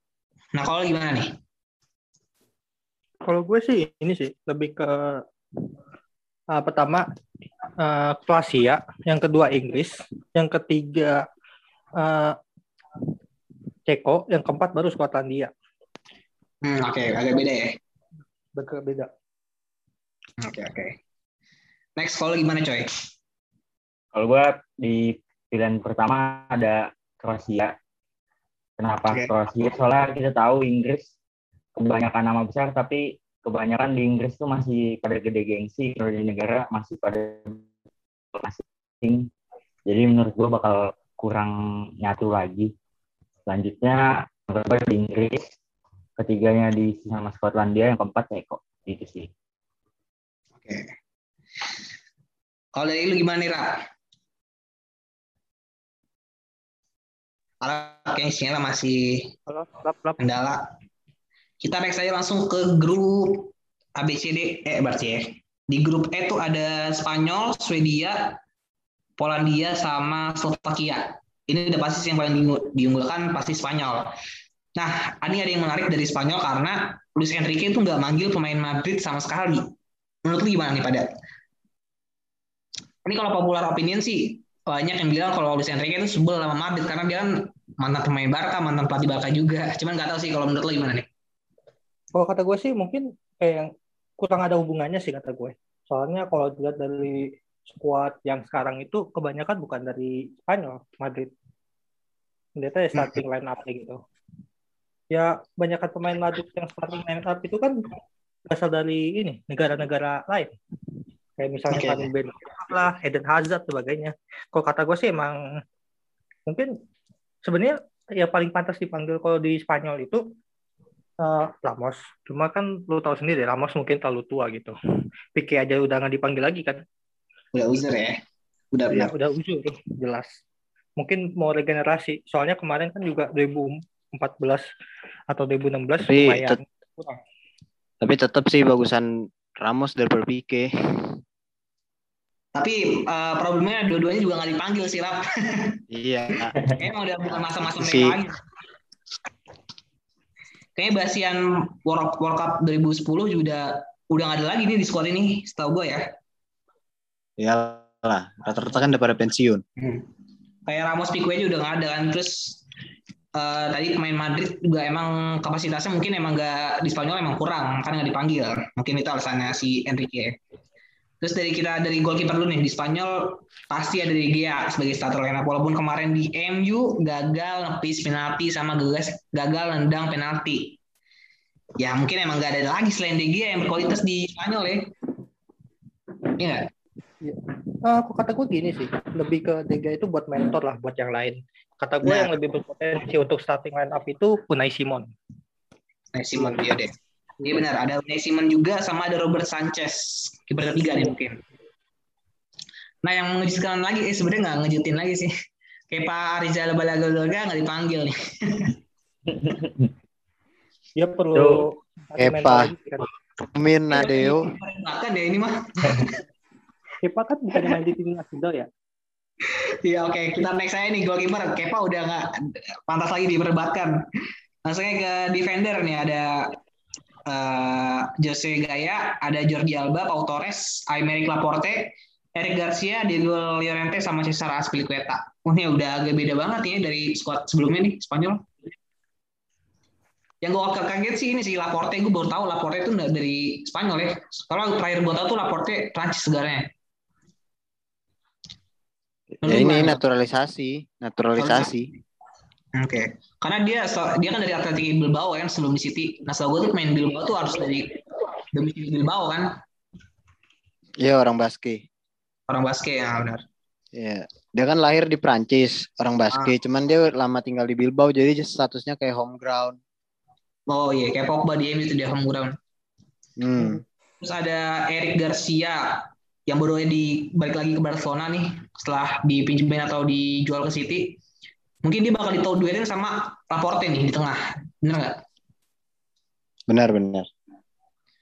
Nah, terus di sayap kanan udah pasti ya Spilicueta ya, siapa lagi? Karena Bellerin juga nggak dipanggil nih. Karena kita sama-sama tahu Bellerin di Arsenal juga cukup ya. Karena Bellerin karena Bellerin sibuk jadi model. Benar. Jadi dia sebenarnya dia sebenarnya salah milih jalan sih untuk milih karirnya. Karena di Arsenal tidak begitu mentereng. Terus di bek kiri masih ada Jordi Alba nih. Ini masih ada nama-nama pemain lama di mana Jordi Alba tuh salah satu skuad eh, juara Spanyol di Euro 2012 nih. Ya nggak sih?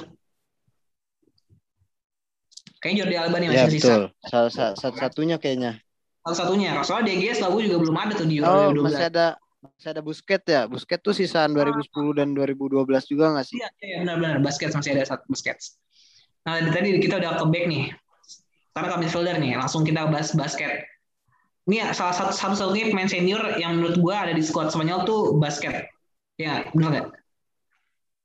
Soalnya nih Ya. lainnya Dari Ah. zaman Euro dari zaman Euro apa Pia- Euro 2000 eh dari Piala Dunia 2010 dulu sampai sekarang langganan langganan timnas sih dan juga dia walaupun Spanyol selalu udah berapa kali ganti pelatih juga tetap aja dia pilihan utama Oke. kayak nggak ada nggak ada pilihan lain Terus pemain lainnya ada Diego Alcantara yang gue percaya banget sih pasti bakal jadi starter.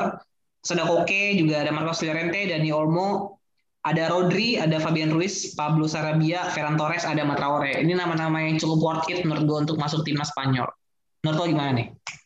Gokil Ada satu yang Ini ganjel gokil. bang, menurut gue bang. Siapa tuh yang ganjel?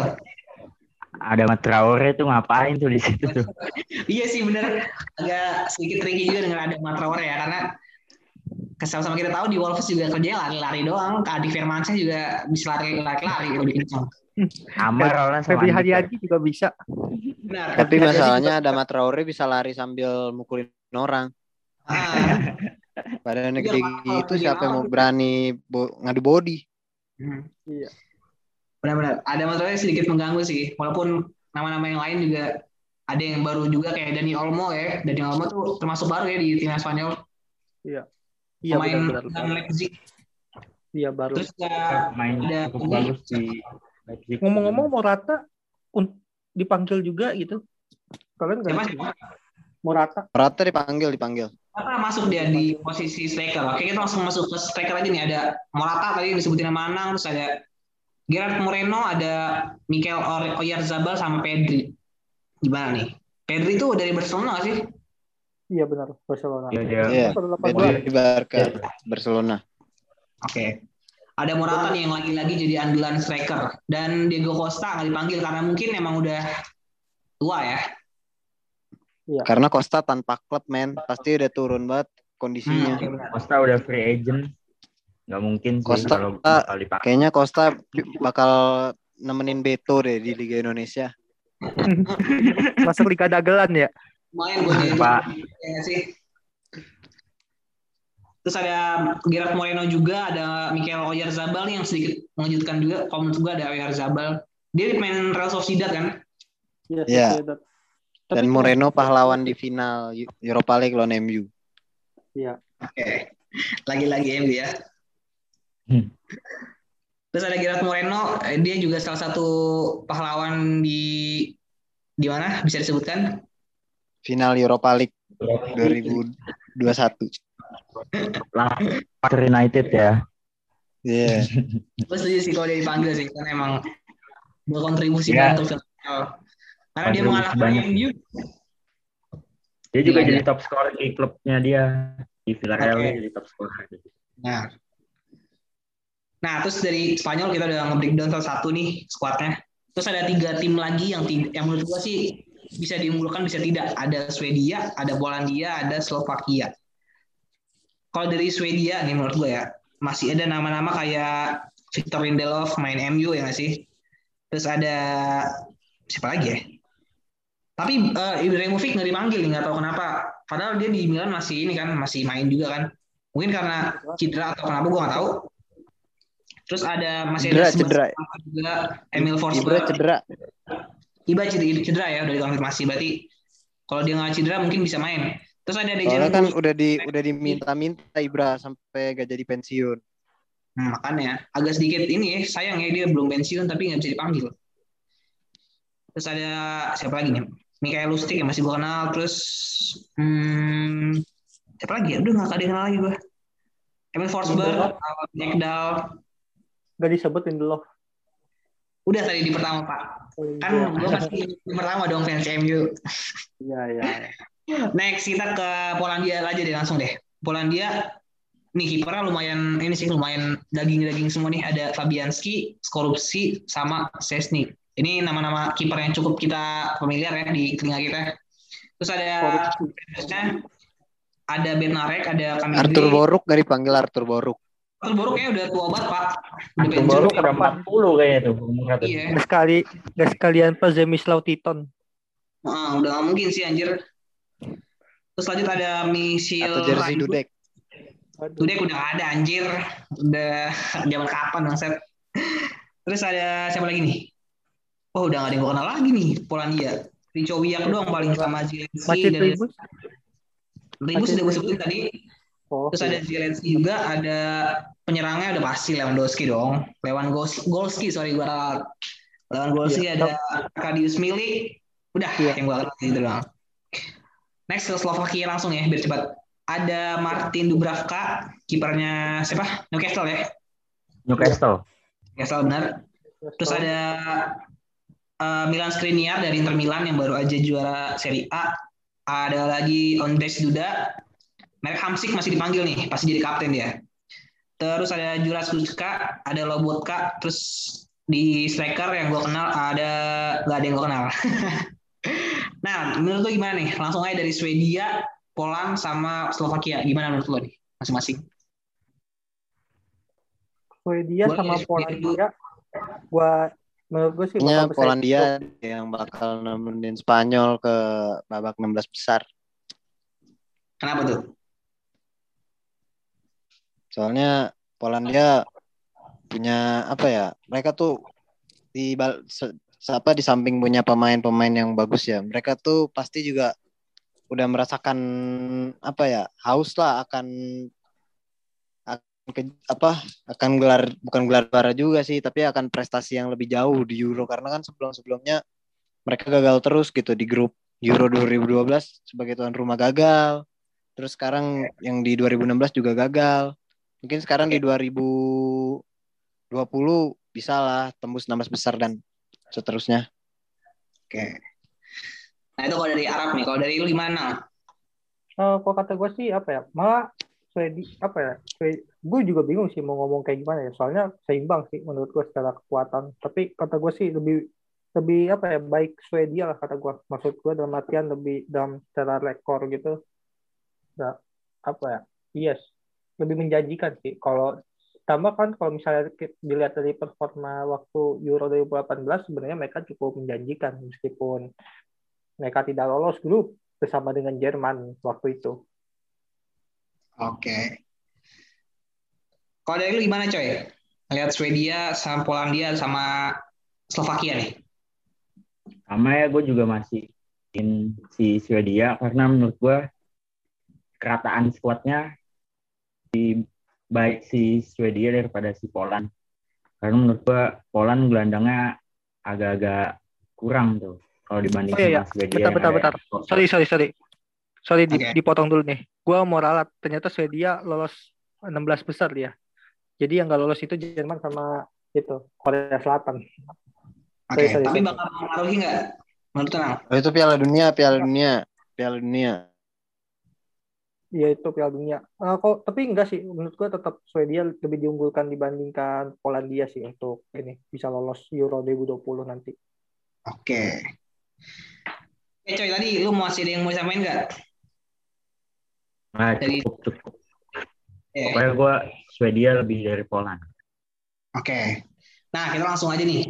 Prediksi apa namanya? Klasmen dari grup E. Tadi ada Spanyol, Slovakia, Poland sama Sweden, Sweden atau Swedia. Gue dulu nih, kalau dari gue sih udah pasti Spanyol pertama sih. Terus kedua, kalau gue lebih ke Poland. Gue Polandia. Kenapa? Karena masih ada Lewandowski cuy. Ini orang kayaknya mesin gol banget nih, walaupun menurut gue Lewandowski, Lewandowski tuh walaupun siapa pun pemain pendukungnya menurut gue itu bisa jadi striker gitu, jadi striker yang matikan menurut gue ya. Kalau Swedia ini agak apa namanya agak mengkhawatirkan karena backnya ada Lindelof di mana gue tahu sendiri kalau dia ini sering blunder. jadi menurut gue Poland kedua, habis itu Swedia. Terakhir ada pasti Slovakia ya karena uh, sedikit banget nama yang gue tahu tapi gue sedikit percaya Swedia, uh, Slovakia bisa jadi tim kejutan nggak tahu kenapa. Nah kalau gimana nih yang lain? Kalau gue apa ya? eh, bisa ada potensi kayak gitu. Cuma kalau kata gue untuk dibandingkan dengan Polandia atau Swedia mah, masih cukup timpang sih. Dalam artian ya perlu eh, pemain-pemain Slovakia itu perlu apa ya? Bisa pembuktian membuktikan diri lah mungkin untuk apa ya agar bisa dianggap lebih berkua- berkualitas gitu mungkin dibandingkan kedua tim tadi. Menurut gue sih gitu aja. Gimana prediksi lu nang? Satu sampai empat. Satu sampai empat eh, pertama itu ya tentu saja Spanyol gitu. Yoi. Yang kedua itu Swe- Swedia, ketiga Polandia, yang keempat baru Slovakia gitu. Oke. Oke, bagus. Lanjut siapa nih yang mau prediksi? Gue, gue. Boleh, boleh. Gimana, Rap? Satu sampai empat. Sa- langsung aja ya. Satu Spanyol, dua Polandia, tiga Slovakia, empat Swedia. Oke. Agak beda ya. Kalau lu gimana, coy? Gue satu Spanyol, kedua Swedia, ketiga Slovakia, keempat Polandia. Udah beda-beda ya. Oke, tadi grup D. Kenapa grup gue E. bilang, kenapa gue bilang Swedia, kenapa gue bilang Swedia nggak lolos? Karena no? Ibra no party. Yes, setuju gue. Karena tadi juga ada Lindelof. Oke, kita Faktornya lanjut. kayak lebih ke Lindelof ya. Iya, makanya. Oke, grup eh kita sama-sama udah prediksi. Lanjut ke grup terakhir nih.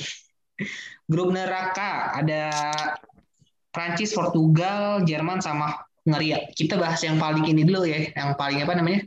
Yang paling tidak diunggulkan, yang yang bukan neraka banget nih. Sebenarnya kalau misalnya grup ini nggak ada juga masih grup neraka nih.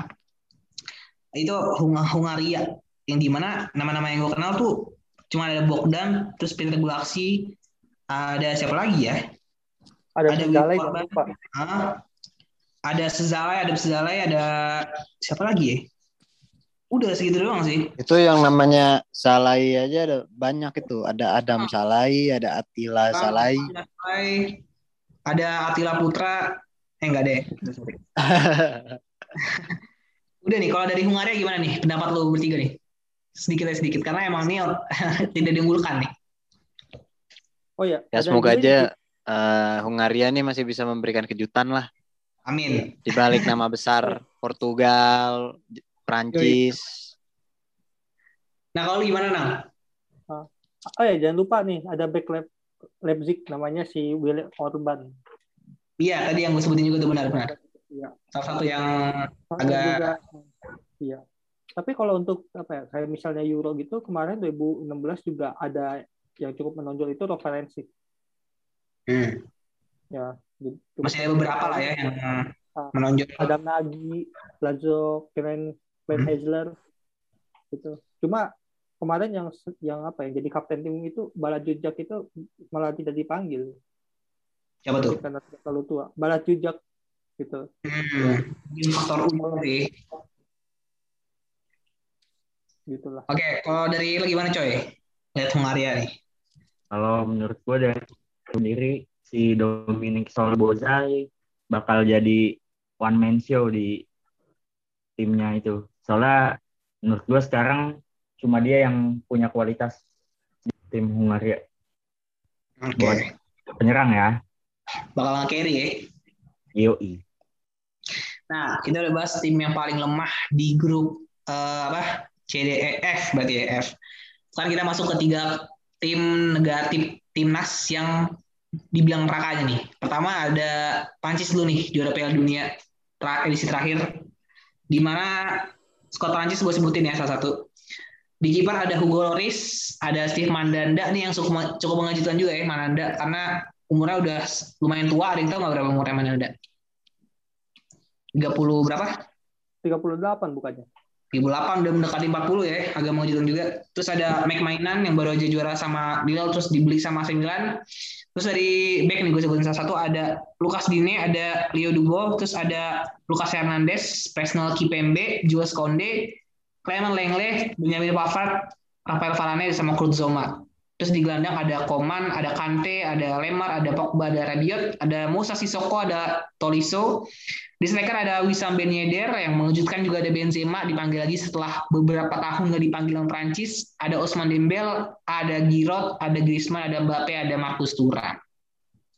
Kita dari kiper dulu nih. Menurut lo gimana nih pada? Hugo Lloris masih ini nggak sih masih layak nggak sih jadi kiper utama? Kalau menurut gue sih masih. ya. Parah, layak parah. Ya, parah. Iya, Cuman menurut ada gue yang- Steve Mandanda kenapa harus dipanggil lagi? Kenapa enggak Mendy aja ya? Nah, itu gue juga ngerti tuh. Sorry, Ada sorry. sih Mendy, ya. Mendy yang mana nih? Ben- Edward Mendy. Bukannya dia Edward Mendy. Iyalah. Edward Mendy kan Oh, iya, yang lain iya. bukan kiper. Dia milih Senegal Iya, bukannya? ini bukan Prancis dong cuy. Rap, Iya, dia milih Senegal kok nggak tahu gue. eh, Senegal ya. Iya, dia memilih Sayang banget. Senegal. Tapi mungkin kalau dia Prancis dipanggil sih kalau menurut gua. Karena Iya. istilahnya bisa Layak. kan. Iya, layak sih kata gue. Dari bisa menorehkan 9 clean sheet gitu, Edward Mendy. Nah, kayak kalau dari uh, goalkeeper udah mau usah dibahas lagi udah jago-jago semua nih, udah layak mumpuni semua. Kita ke defenders atau back. Di mana ada eh, sekarang kita udah nggak nemu lagi nama-nama kayak Um Titi, Silor. Udah nggak nemu lagi nama-nama kayak siapa ya? Yang Hadi Sal tuh. Eh, jangan Oke. lupa, Umtiti udah ada penggantinya loh. Siapa tuh? Lengle. Lenglet, benar. Lenglet pasti jadi squad utama di Prancis ini. Terus ada Rafael Varane. Yang menurut gue sih agak sedikit lebih udah turun ya performanya di Real Madrid. Kalau menurut lu gimana? Varane masih layak nggak sih di Prancis? Hmm, Kalau gue sih lebih prefer ke Zuma menurut gue ya jadi squad utama. Kata gue juga gimana ya? Kalau Zuma itu kalau untuk sekarang sih tergeser sih Eh, dengan adanya Rudiger dan Thiago Silva sih. Jadi menurut gue mungkin Varane masih bisa bakal jadi pilihan utama di ini di squad utama Prancis untuk back tengah, slot back tengah gitu. Jangan lupa masih ada Presnel Kimpembe. Iya, Nah, bakal nah, duet sih mereka. Ini kalau lihat di ah, squad Prancis nih kayak daging-daging semua nih. Back kirinya ada Lucas Digne, ada Lucas Hernandez juga sama-sama Lucas di back kiri. Nah, ini sebuah kebutuhan atau enggak. Cuman menurut gue sih Lucas Hernandez bakal tetap dipakai di squad utama. Iya, Kalau gue.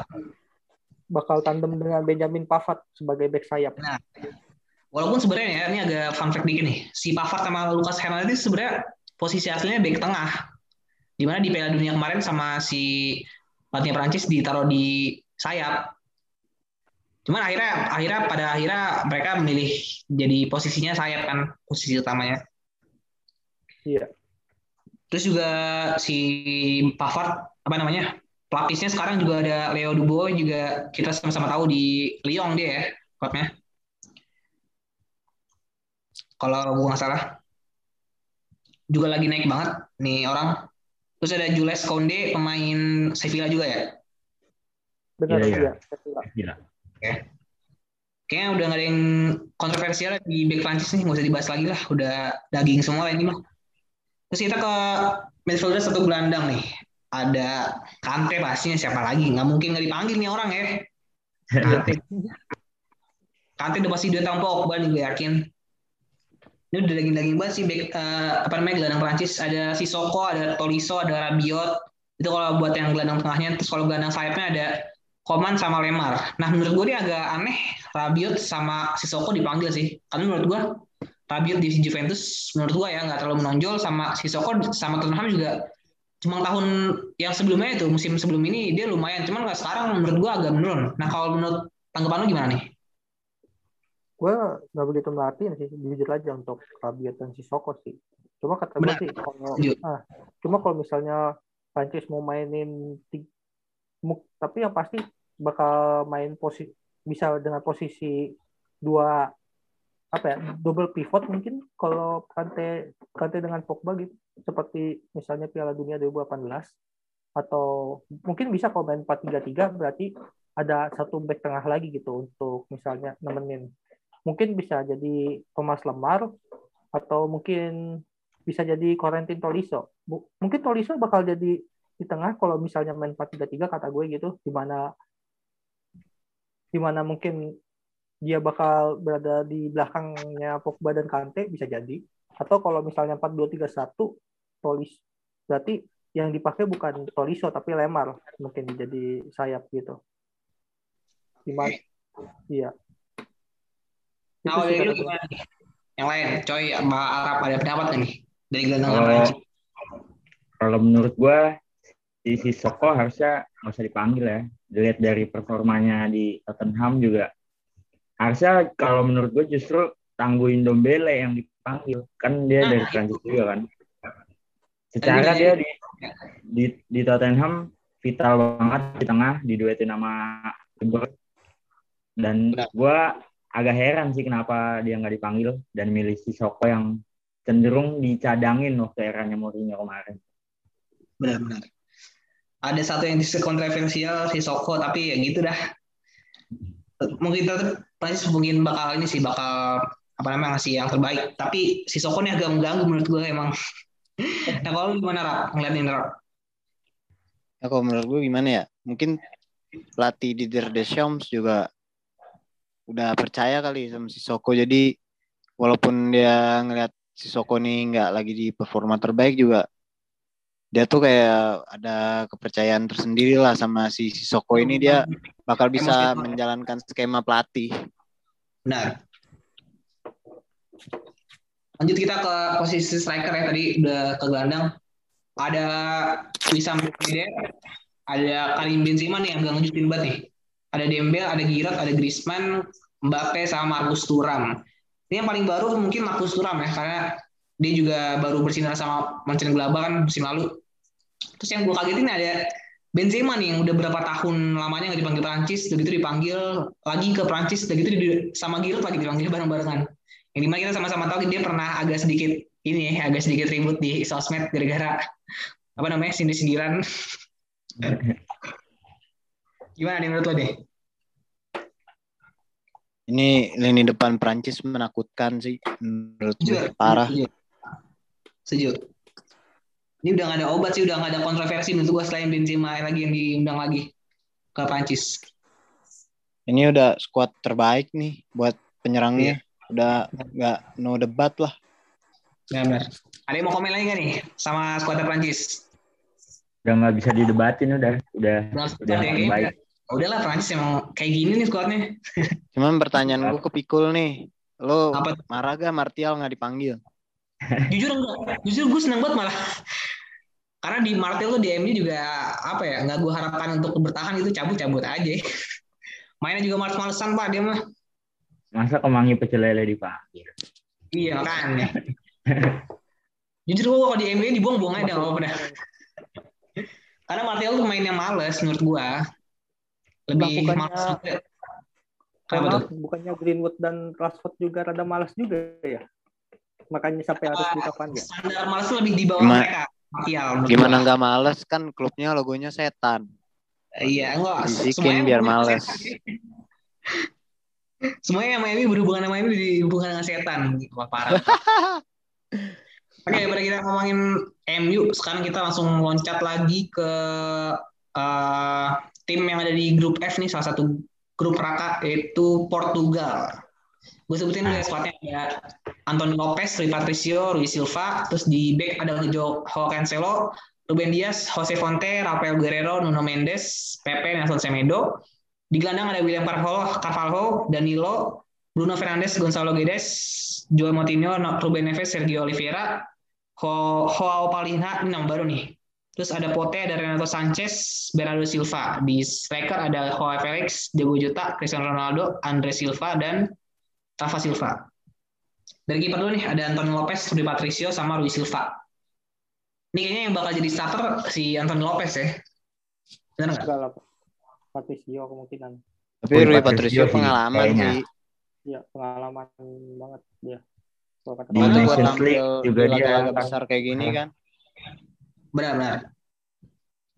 Mungkin kalau Rui Patricio lebih berpengalaman, cuman kalau menurut gua Antonio Lopez kalau dibandingin sama Rui Patricio sekarang lebih berkualitasan Lopez kalau menurut gua.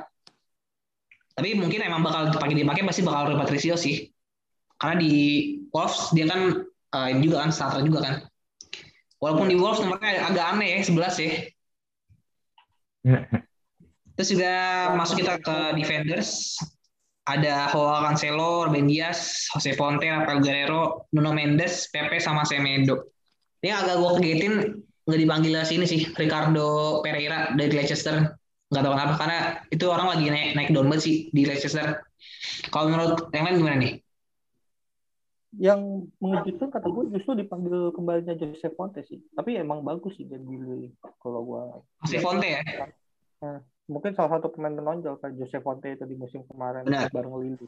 Meskipun usia 37 tahun dan sempat kembali lagi ke Liga Cina gitu. Sama ini Pepe menurut gua dengan umur yang segitu bahkan si Ramos saya udah nggak dipanggil sama Spanyol kan. Si Pepe ini masih sama Portugal. Mungkin Portugal masih butuh tukang tendang sama tukang pukul nih. Di squadnya.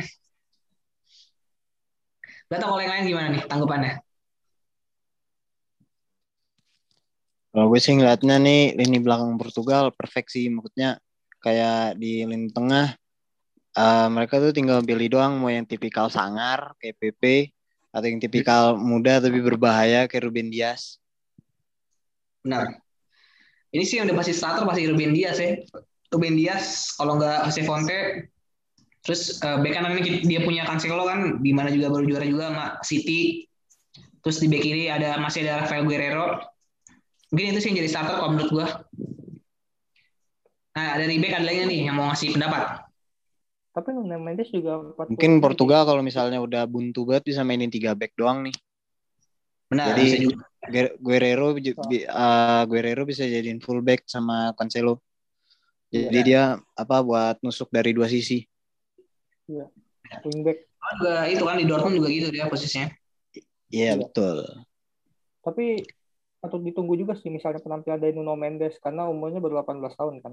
Kita Hmm, salah satu wonderkid juga nih di skuad Portugal. Oke, next. Tadi kan kayaknya defenders sudah cukup sempurna ya. Kita masuk ke midfielders nya atau gelandang. Di mana ada pemain kunci yaitu salah satu pemain kunci MU juga Bruno Fernandes nih. Menurut gue sih bakal berbicara banyak di Portugal. Karena sebelum masuk MU juga dia di Portugal udah bagus menurut gue. Iya. Gue setuju sih. Walaupun masih ada nama-nama kayak Joao Moutinho, ada Ruben Neves juga yang satu tim juga sama Moutinho. Terus ada beberapa nama-nama baru yang gue gak kenal nih. Ada Sergio Oliveira, ada Joao Palhinha, ada Pote, ada wonderkid lagi yang dipanggil lagi, ada Renato Sanchez. Gimana nih menurut lu? Gue ini agak penasaran dengan ini sih pemain-pemain panggilan dari Sporting Lisbon juga sih. Kayak tadi itu Pedro Gonçalves yang di, itu digadang-gadang sedang naik daun gitu. Cuma kalau untuk misalnya untuk squad utama, Joe Moutinho mungkin bakal tetap di tengah gitu sebagai karena kan dia juga salah satu pemain yang sangat berpengalaman gitu. Dari zaman kapan ya itu Joe Moutinho? Zaman mungkin zaman Luis Figo udah ada ya Udah Moutinho kayaknya. Iya. Iya, aja. Mas. Iya, gitu. Jadi mungkin bisa jadi ini juga sih gelandang berpengalaman gitu. Ngedampingin Bernardo Silva sama Bruno Fernandes di tengah. Oke. Iya. Selain di apa namanya gelandang di striker juga masih posisi masih ada uh, nama-nama lama kayak eh, siapa lagi sih yang nggak tahu Ronaldo ya nggak sih? Ini orang kayak sampai umur 45 tahun 50 tahun masih dipanggil yang Portugal nih. Terus juga Katanya Ronaldo, katanya Ronaldo mau mecahin rekor King Kazu. Benar, itu juga. Kayaknya sih emang bisa sih. Ya ntar. Karena dia tuh emang stamina-nya kuat cuy. Ronaldo ya, kalau gue bandingin sama Ronaldo di D5 kayaknya kuatan ini, Ronaldo yang ini. Iya. Soalnya nggak suka makan tengkleng. Iya, benar. Sehat soalnya. Terus ada Joao Felix nih. Tapi Ronaldo, tapi Ronaldo harus nyobain Liga Indonesia kalau kayak gitu berarti. Benar. Biar ngerasain yang namanya fisik turun. Biar aja tangan kalau kata men- kalau menang di traktir pizza nggak tuh Ronaldo? Terus juga ada nama-nama baru nih yang dibilang cukup baru ada Joao Felix, si wonderkid-nya Atletico yang mahal banget harganya ya sih. Terus ada Andre Silva, ada Rafa Silva, ada Andre Silva namanya cukup mirip sama Diogo Jota yang musim ini di Liverpool cukup mengejutkan menurut gua. Gimana nih?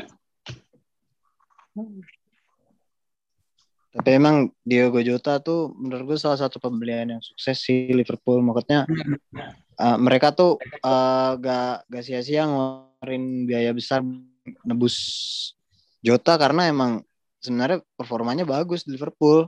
Dia bisa Ya. jadi backup yang bagus buat Firmino. Iya, justru karena eh, justru pas di perform eh, di musim ini Liverpool Mane itu lagi kurang-kurang performanya, dia bisa kayak ganti posisi Mane gitu loh, menurut gue. Selain Firmino juga. Setuju gue setuju. Nah, kalau yang lain gimana nih anggapannya menurut eh, lo semua nih? Dari keseluruhan squad Portugal. Gue gue Marah nonton sih. lumayan bagus, lumayan bagus kuatnya itu. Maksudnya ya? tidak ada tidak neko-neko lah istilahnya. Kuat Hmm. dari Spanyol eh kuat dari Portugal saat ini gitu dari strikernya gitu. Kalau gimana coy? Kalau menurut gua Squad Portugal ini bisa bawa Portugal juara Euro back to back. Iya. Ini emang prediksi di awal kan dia, Portugal ya. Yoi, Oke. gue yakin banget sih. Udahlah, gue gak usah nanya-nanya lagi nih, udah jelas jawabannya. Jelas. Ayo next aja nih ke tim terakhir, Yoi, tim terakhir, tim selanjutnya itu Jerman, tim tim di grup neraka di grup F. Di mana Jerman tuh manggil Manuel Neuer udah pasti ya. Bareng Leno ada Kevin Trapp, di back ada Emre Can, ada Matthias Ginter, Robin Gosens, Christian Gunter, Marcel Halstenberg, Matt Hummels, Lukas Kosterman, Robin Koch, Antonio Rudi- Rudiger, sama Niklas Le. Terus di gelandang ada Segre Gnabry, Goretzka, Gundogan, Hoffman, Yusuf Kimmich, Toni Kroos, Jam- Jamal Musiala, Florian Neuhaus, Leroy Sané. Terus di penyerang ada Havertz, Muller, Kevin Volland, sama Timo Werner. Kita dari goalkeeper dulu nih. Ada sedikit yang mengejutkan ya karena kita sama-sama tahu Ter Stegen nggak dipanggil. Mungkin gara-gara cedera ya. Ya nggak sih? Ya cedera dia itu. Makanya ditarik dari squad terus diganti sama Kevin Trapp. Tapi nggak apa-apa. Ada kan masih ada kiper terbaik Arsenal. Siapa? Yoi dong. Bruno Leno Leno. Leno yang Leno sangat baik. Ah, berarti sebenarnya jago kalau nggak ada David Luiz, kalau nggak ada teman-temannya lagi tuh yang di Arsenal. Iya ya. Bisa Terus juga ada sih? Di goalkeeper nih. Kevin Trapp sekarang di mana ya? Kevin Trapp tuh di Frankfurt. Frankfurt ya. Iya. Ya. Nah kalau Manuel Neuer nah nggak usah dibahas lah ya, udah pasti Nah, main up dia mah. sebenarnya kayak kita nggak perlu bahas kiper yang lain sih. Udah jelas siapa yang bakal Iya, dipakai. jelas sampai final juga kayaknya nggak dimainin tuh yang lain-lain. Iya. Paling cuma respect buat main ini doang, menit main doang. Langsung aja nih ke posisi back ada ini yang gue kaget ada Emre Can sih kan soalnya Emre Can posisi awal kan gelandang ya. Midfielder sekarang jadi defender. Mungkin karena Dortmund juga dipakainya sebagai defender mungkin. Gue nggak tahu juga. Gue sedang nggak ngikutin Dortmund. Terus kalau gue sebutin salah satu nih nama-nama di Jerman tuh cukup baru loh. Gue agak-agak asing gitu. Ada Ginter, ada Gosens. Gosens gue tahu sih. Ada Gunter, ada Halsenberg, ada Hammers juga pemain lama gue tahu. Klosterman, ada Robin Koch, sama sisanya yang gue kenal, Rudiger sama Sule. Menurut lu gimana sih nih back Jerman? Agak mengkhawatirkan nggak sih kalau menurut lu? Ada? kata gue kata gue juga nggak begitu nggak semengkhawatirkan ini sih Oh, ya waktu Piala Dunia kemarin gitu Hmm. soalnya mungkin dengan seiring bertambahnya waktu mungkin pengalaman mereka juga harusnya udah bertambah sih apalagi juga sekarang udah di, masih didampi, didampingin beberapa pemain tu eh beberapa pemain tua gitu misalnya kayak Mats Hummels gitu At- atau Neo Rudiger juga sebenarnya cukup banyak pengalaman sih harusnya mungkin bisa berbicara banyak kok kata gue sih nanti di Piala Euro ini Oke. Kalau kata fans Jerman sih yang penting Jonathan Tah nggak dipanggil. Itu orang sekarang di mana dah? Main main di mana dia sekarang? Nggak tahu deh. Pokoknya dia langganan panggilannya Joachim Low dah. Tuh Jonathan Tah dipanggil terus. Dan ini ada pembeda sih dari Piala Dunia kemarin di mana Boateng udah nggak dipanggil lagi nih, Jerome Boateng. Mungkin emang Iya, udah masanya ya. iya udah terlalu tua Udah tua juga. Tapi, Di Bayernnya juga udah nggak Udah dipakai. nggak kepake kan. Benar-benar. Terus juga eh, udah sih dari Jerman dari back tidak ada yang mengejutkan lagi selain nama-nama pemain-pemain muda. Terus kita masuk ke gelandang ada Gnabry yang lagi on fire banget nih di Munchen, ada Goretzka juga dari Munchen, Gundogan yang baru aja menang Piala Liga Inggris sama City. Terus sisanya ada Hoffman, ada Kimmich, Toni Kroos, Musiala, Neuhaus sama Leroy Sané. Ini yang pemain yang agak asing menurut gua Hoffman sama Neuhaus. Menurut gimana nih? Pada Nah ini Neuhaus nih ibarat pemain yang lagi di, dilulukan nih. Soalnya kan di publik Leverkusen sendiri tuh udah nganggep dia bareng sama Florian Wirtz nih udah kayak wonderkid baru lah. Hmm. Neuhaus bahkan dinobatin sebagai the next Havertz gitu. Jadi bakal kita lihat nih di Jerman apakah dia bisa membawa nama besar itu kan. ajang pembuktian ya. Iya. Oke. Terus ada nama-nama lama juga nih kayak Toni Kroos yang sama Gundogan menurut gua yang bakal jadi mentor sih di squad Jerman ini. Yang maksudnya yang paling lama lah di Jerman. Karena udah berdasarkan pengalaman juga kan. Terus Benar. Gundogan. Apalagi Kroos juga udah ngerasain manisnya juara kan sama tim Jerman di 2014. Thomas Betul. Terus ada ini juga sih trio Munchen yang menurut gue sih oke banget nih di gelandang. Maksudnya pemanggilan cukup tepat ada Gnabry, Goretzka sama Sané. Oh, udah nih trio yang keren sih. Nggak ada Sama obat. Kimmich. Kimmich juga. Yang Di sekarang empat. justru mainnya di gelandang ya. Ah, dia udah nggak main di bek kanan lagi. Jadi di, di mainnya di tengah di posisi aslinya sebelum digeser ke dulu ke bek kanan sama siapa gitu. Sama pelatih Munchen siapa dulu zamannya? Hansi Flick Hansi Flick, benar. Iya. Nah, dari gelandang ada lagi nggak yang mau ngasih pendapat nih Jerman? Kalau gue sih udah nih kayaknya udah cukup keren nih. Udah, Cukup udah udah bagus sih. Bagus ya. Lanjut ke penyerang aja. Lanjut penyerang. Oke, di penyerang nih ada Havertz yang gue kaget nih. Kayaknya bakal jadi striker di Jerman soalnya dia nggak masuk di posisi gelandang nih kalau di Jerman. Ada Havertz, ada Muller, ada Kevin Volland sama Werner. Ah, ini sih udah oke- udah oke-oke banget sih kalau menurut gue. Udah nggak ada kontroversi menurut gue. Kalau yang lain gimana? Kalau kalau menurut gue Havertz ini nggak taruh striker sih, dia paling taruh sayap minimal winger lah. Soalnya kan paling posisi ujung tombak ya paling antara Werner sama Kevin Volland. Benar. Terus juga ada Muller, ada si Werner juga, ada Kevin Volland. Ah ini mah udah nggak bisa didebatin lagi. Coba Tapi siapa? uniknya nih, to- ini uniknya Thomas Muller sama Neuer nih salah satu generasi lama dari Piala Dunia 2010. Ah, benar. Basian yang masih tersisa nih di Euro ya sih. Betul, Langganan Iya. timnas. Yoi. Oke, ada lagi nggak nih yang mau ngasih pendapat sama skuad Jerman nih secara keseluruhan? Kalau menurut gue sih ini udah cukup kuat sih Jerman sih. Jerman Jerman juga ini sih terbiasa apa ya terbiasa untuk tidak bawa striker yang pure striker doang. Jadi Hmm. kan kalau bahkan di Piala Dunia 2014 kemarin itu strike satu-satunya striker yang murni striker itu cuma si Miroslav Klose. Klose sama Mario Iya. Gomez. Mario Gomez sebenarnya bisa jadi ini gelandang serang juga meski Benar. meskipun ini posisinya Iya lebih benar. Jerman tuh udah lama udah lama banget lumayan lama gak punya striker murni sih. iya Werner aja nih karena baru-baru nih. Iya Werner juga sebenarnya bisa jadi ini striker Sayap. sayap juga Benar. iya cuma emang Werner sayap malah second striker sayap karena dia punya speed. iya Benar. cuma gara-gara ini aja sekarang kan jadi striker gitu buat bikin back pusing Betul. Kevin Volland malah yang lebih ke striker murni. Ah, Volland. Karena di Leverkusen juga diduetin sama Havertz. Mungkin salah satu alasan Volland dipanggil juga ya, karena ada Havertz ya. Jadi, Ya Jerman secara secara squad udah cukup bagus lah, cuman gimana ya, gue kayak pesimis gitu sih ngeliat Jerman juara di bawah Joachim Low. Entah karena magisnya udah habis apa ya.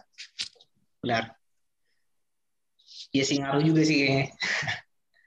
Gara-gara Nah, gue ngeliat Jerman dibantai 6-0 sama Spanyol waktu itu. Nah iya makanya. Ada di Jerman ada lagi nih yang mau ngasih pendapat nih? Coy lu ada nggak coy? Kalau menurut gue sih Jerman bakal main habis-habisan ya. Mungkin bakal jadi salah satu persembahan terakhir buat pelatihnya dia kan. Karena Low juga turnamen Oh iya, terakhirnya sama Jerman tuh Euro 2020 ini kan. Habis itu dia bakal pensiun dari timnas Jerman. Kalau menurut gue dia apa tim Jerman bakal ngasih yang terbaik buat kado perpisahan sama Low. Benar. Nah, langsung aja nih. Kita udah ngebahas seluruh tim di grup F, grup terakhir, grup neraka. Langsung aja kita prediksi siapa yang bakal lolos nih dari klasmen grup F dari 1 sampai 4. Kalau dari gua ya, udah pasti Prancis karena gua fans Prancis, so pasti. Terus kedua, menurut gua sih antara Portugal sama Jerman, gue lebih milih Portugal, nggak tahu kenapa. Lebih percaya sama Portugal gitu. Ketiga pasti Jerman, tapi Jerman tetap lolos karena peringkat tiga terbaik mungkin dia masih bisa lolos. Terakhir Hungaria lah karena siapa sih Hungaria anjir. Kalau yang lain gimana nih? kalau gue ini sih pertama ya jelas Prancis itu Prancis. Yang kedua tapi Jerman kalau gue. Kedua Jerman yang ketiga baru Portugal keempat ber- berarti Hungaria jelas gitu. Kalau gue sih gitu. Tapi gue masih sedikit ragu dengan ini juga sih skuad Jerman yang sekarang mungkin perlu lebih banyak pengalaman lagi mungkin gitu Kalau gue agak kurang percaya sama Jerman di eh, sektor backnya sih. Sisanya udah oke, cuman di back yang agak kurang. Oke next siapa nih yang mau kasih prediksi? Gue deh, Boleh boleh. kalau menurut gue, gue mah jujur aja gue orang yang percaya akan keajaiban. Jadi nomor satu pasti Prancis, Itu nomor buat dua. Portugal, nomor dua Portugal, nomor Ya. tiga Hungaria, terakhir Jerman. Oke. Oke mantap. Agak sedikit ngawur ya. Oke, kayaknya kita udah nebak nih semua. Udah udah udah ngebahas juga dari grup A sampai grup F. Eh, Peserta-peserta tim nasional dari Euro nih yang dipanggil yang lolos ke Euro. Kita udah bahas-bahas dari semua skuadnya, dari uh, prediksi pema, apa prediksi klasmennya juga udah semua. Kayaknya segini dulu aja nih pembahasan kita di episode ini. Sekarang tuh berarti episode kedua ya. Episode episode kedua dari era soccer. Jangan lupa dengerin terus era soccer setiap hari Senin karena bakal diupload setiap hari Senin di Spotify di search saja era soccer Nah terakhir nih ada mau kata-kata terakhir nggak buat pendengar podcast era nih? Salah satu nih. Gue cuma Jadi- mau bilang, Ah, coy boleh ya. gue cuma mau bilang buat yang dengar podcast era, jangan buang-buang uang kalian buat parlay. Sungguhnya itu sangat mubazir. Oke mantap. Mubazir kalau nggak menang. Mubazir kalau nggak menang. Lain kalau menang. Kalau menang lain. menangnya berapa Pak? Oke ya, lo gimana Rap? Ada kata-kata nggak nih buat mendengar podcast era? Kalau pesan dari gue sih, kalau pesan dari gue sih, yang pertama tetap sama kayak yang Pikul bilang, tetap dengerin era soccer setiap hari. Cuman di hari Senin rilisnya.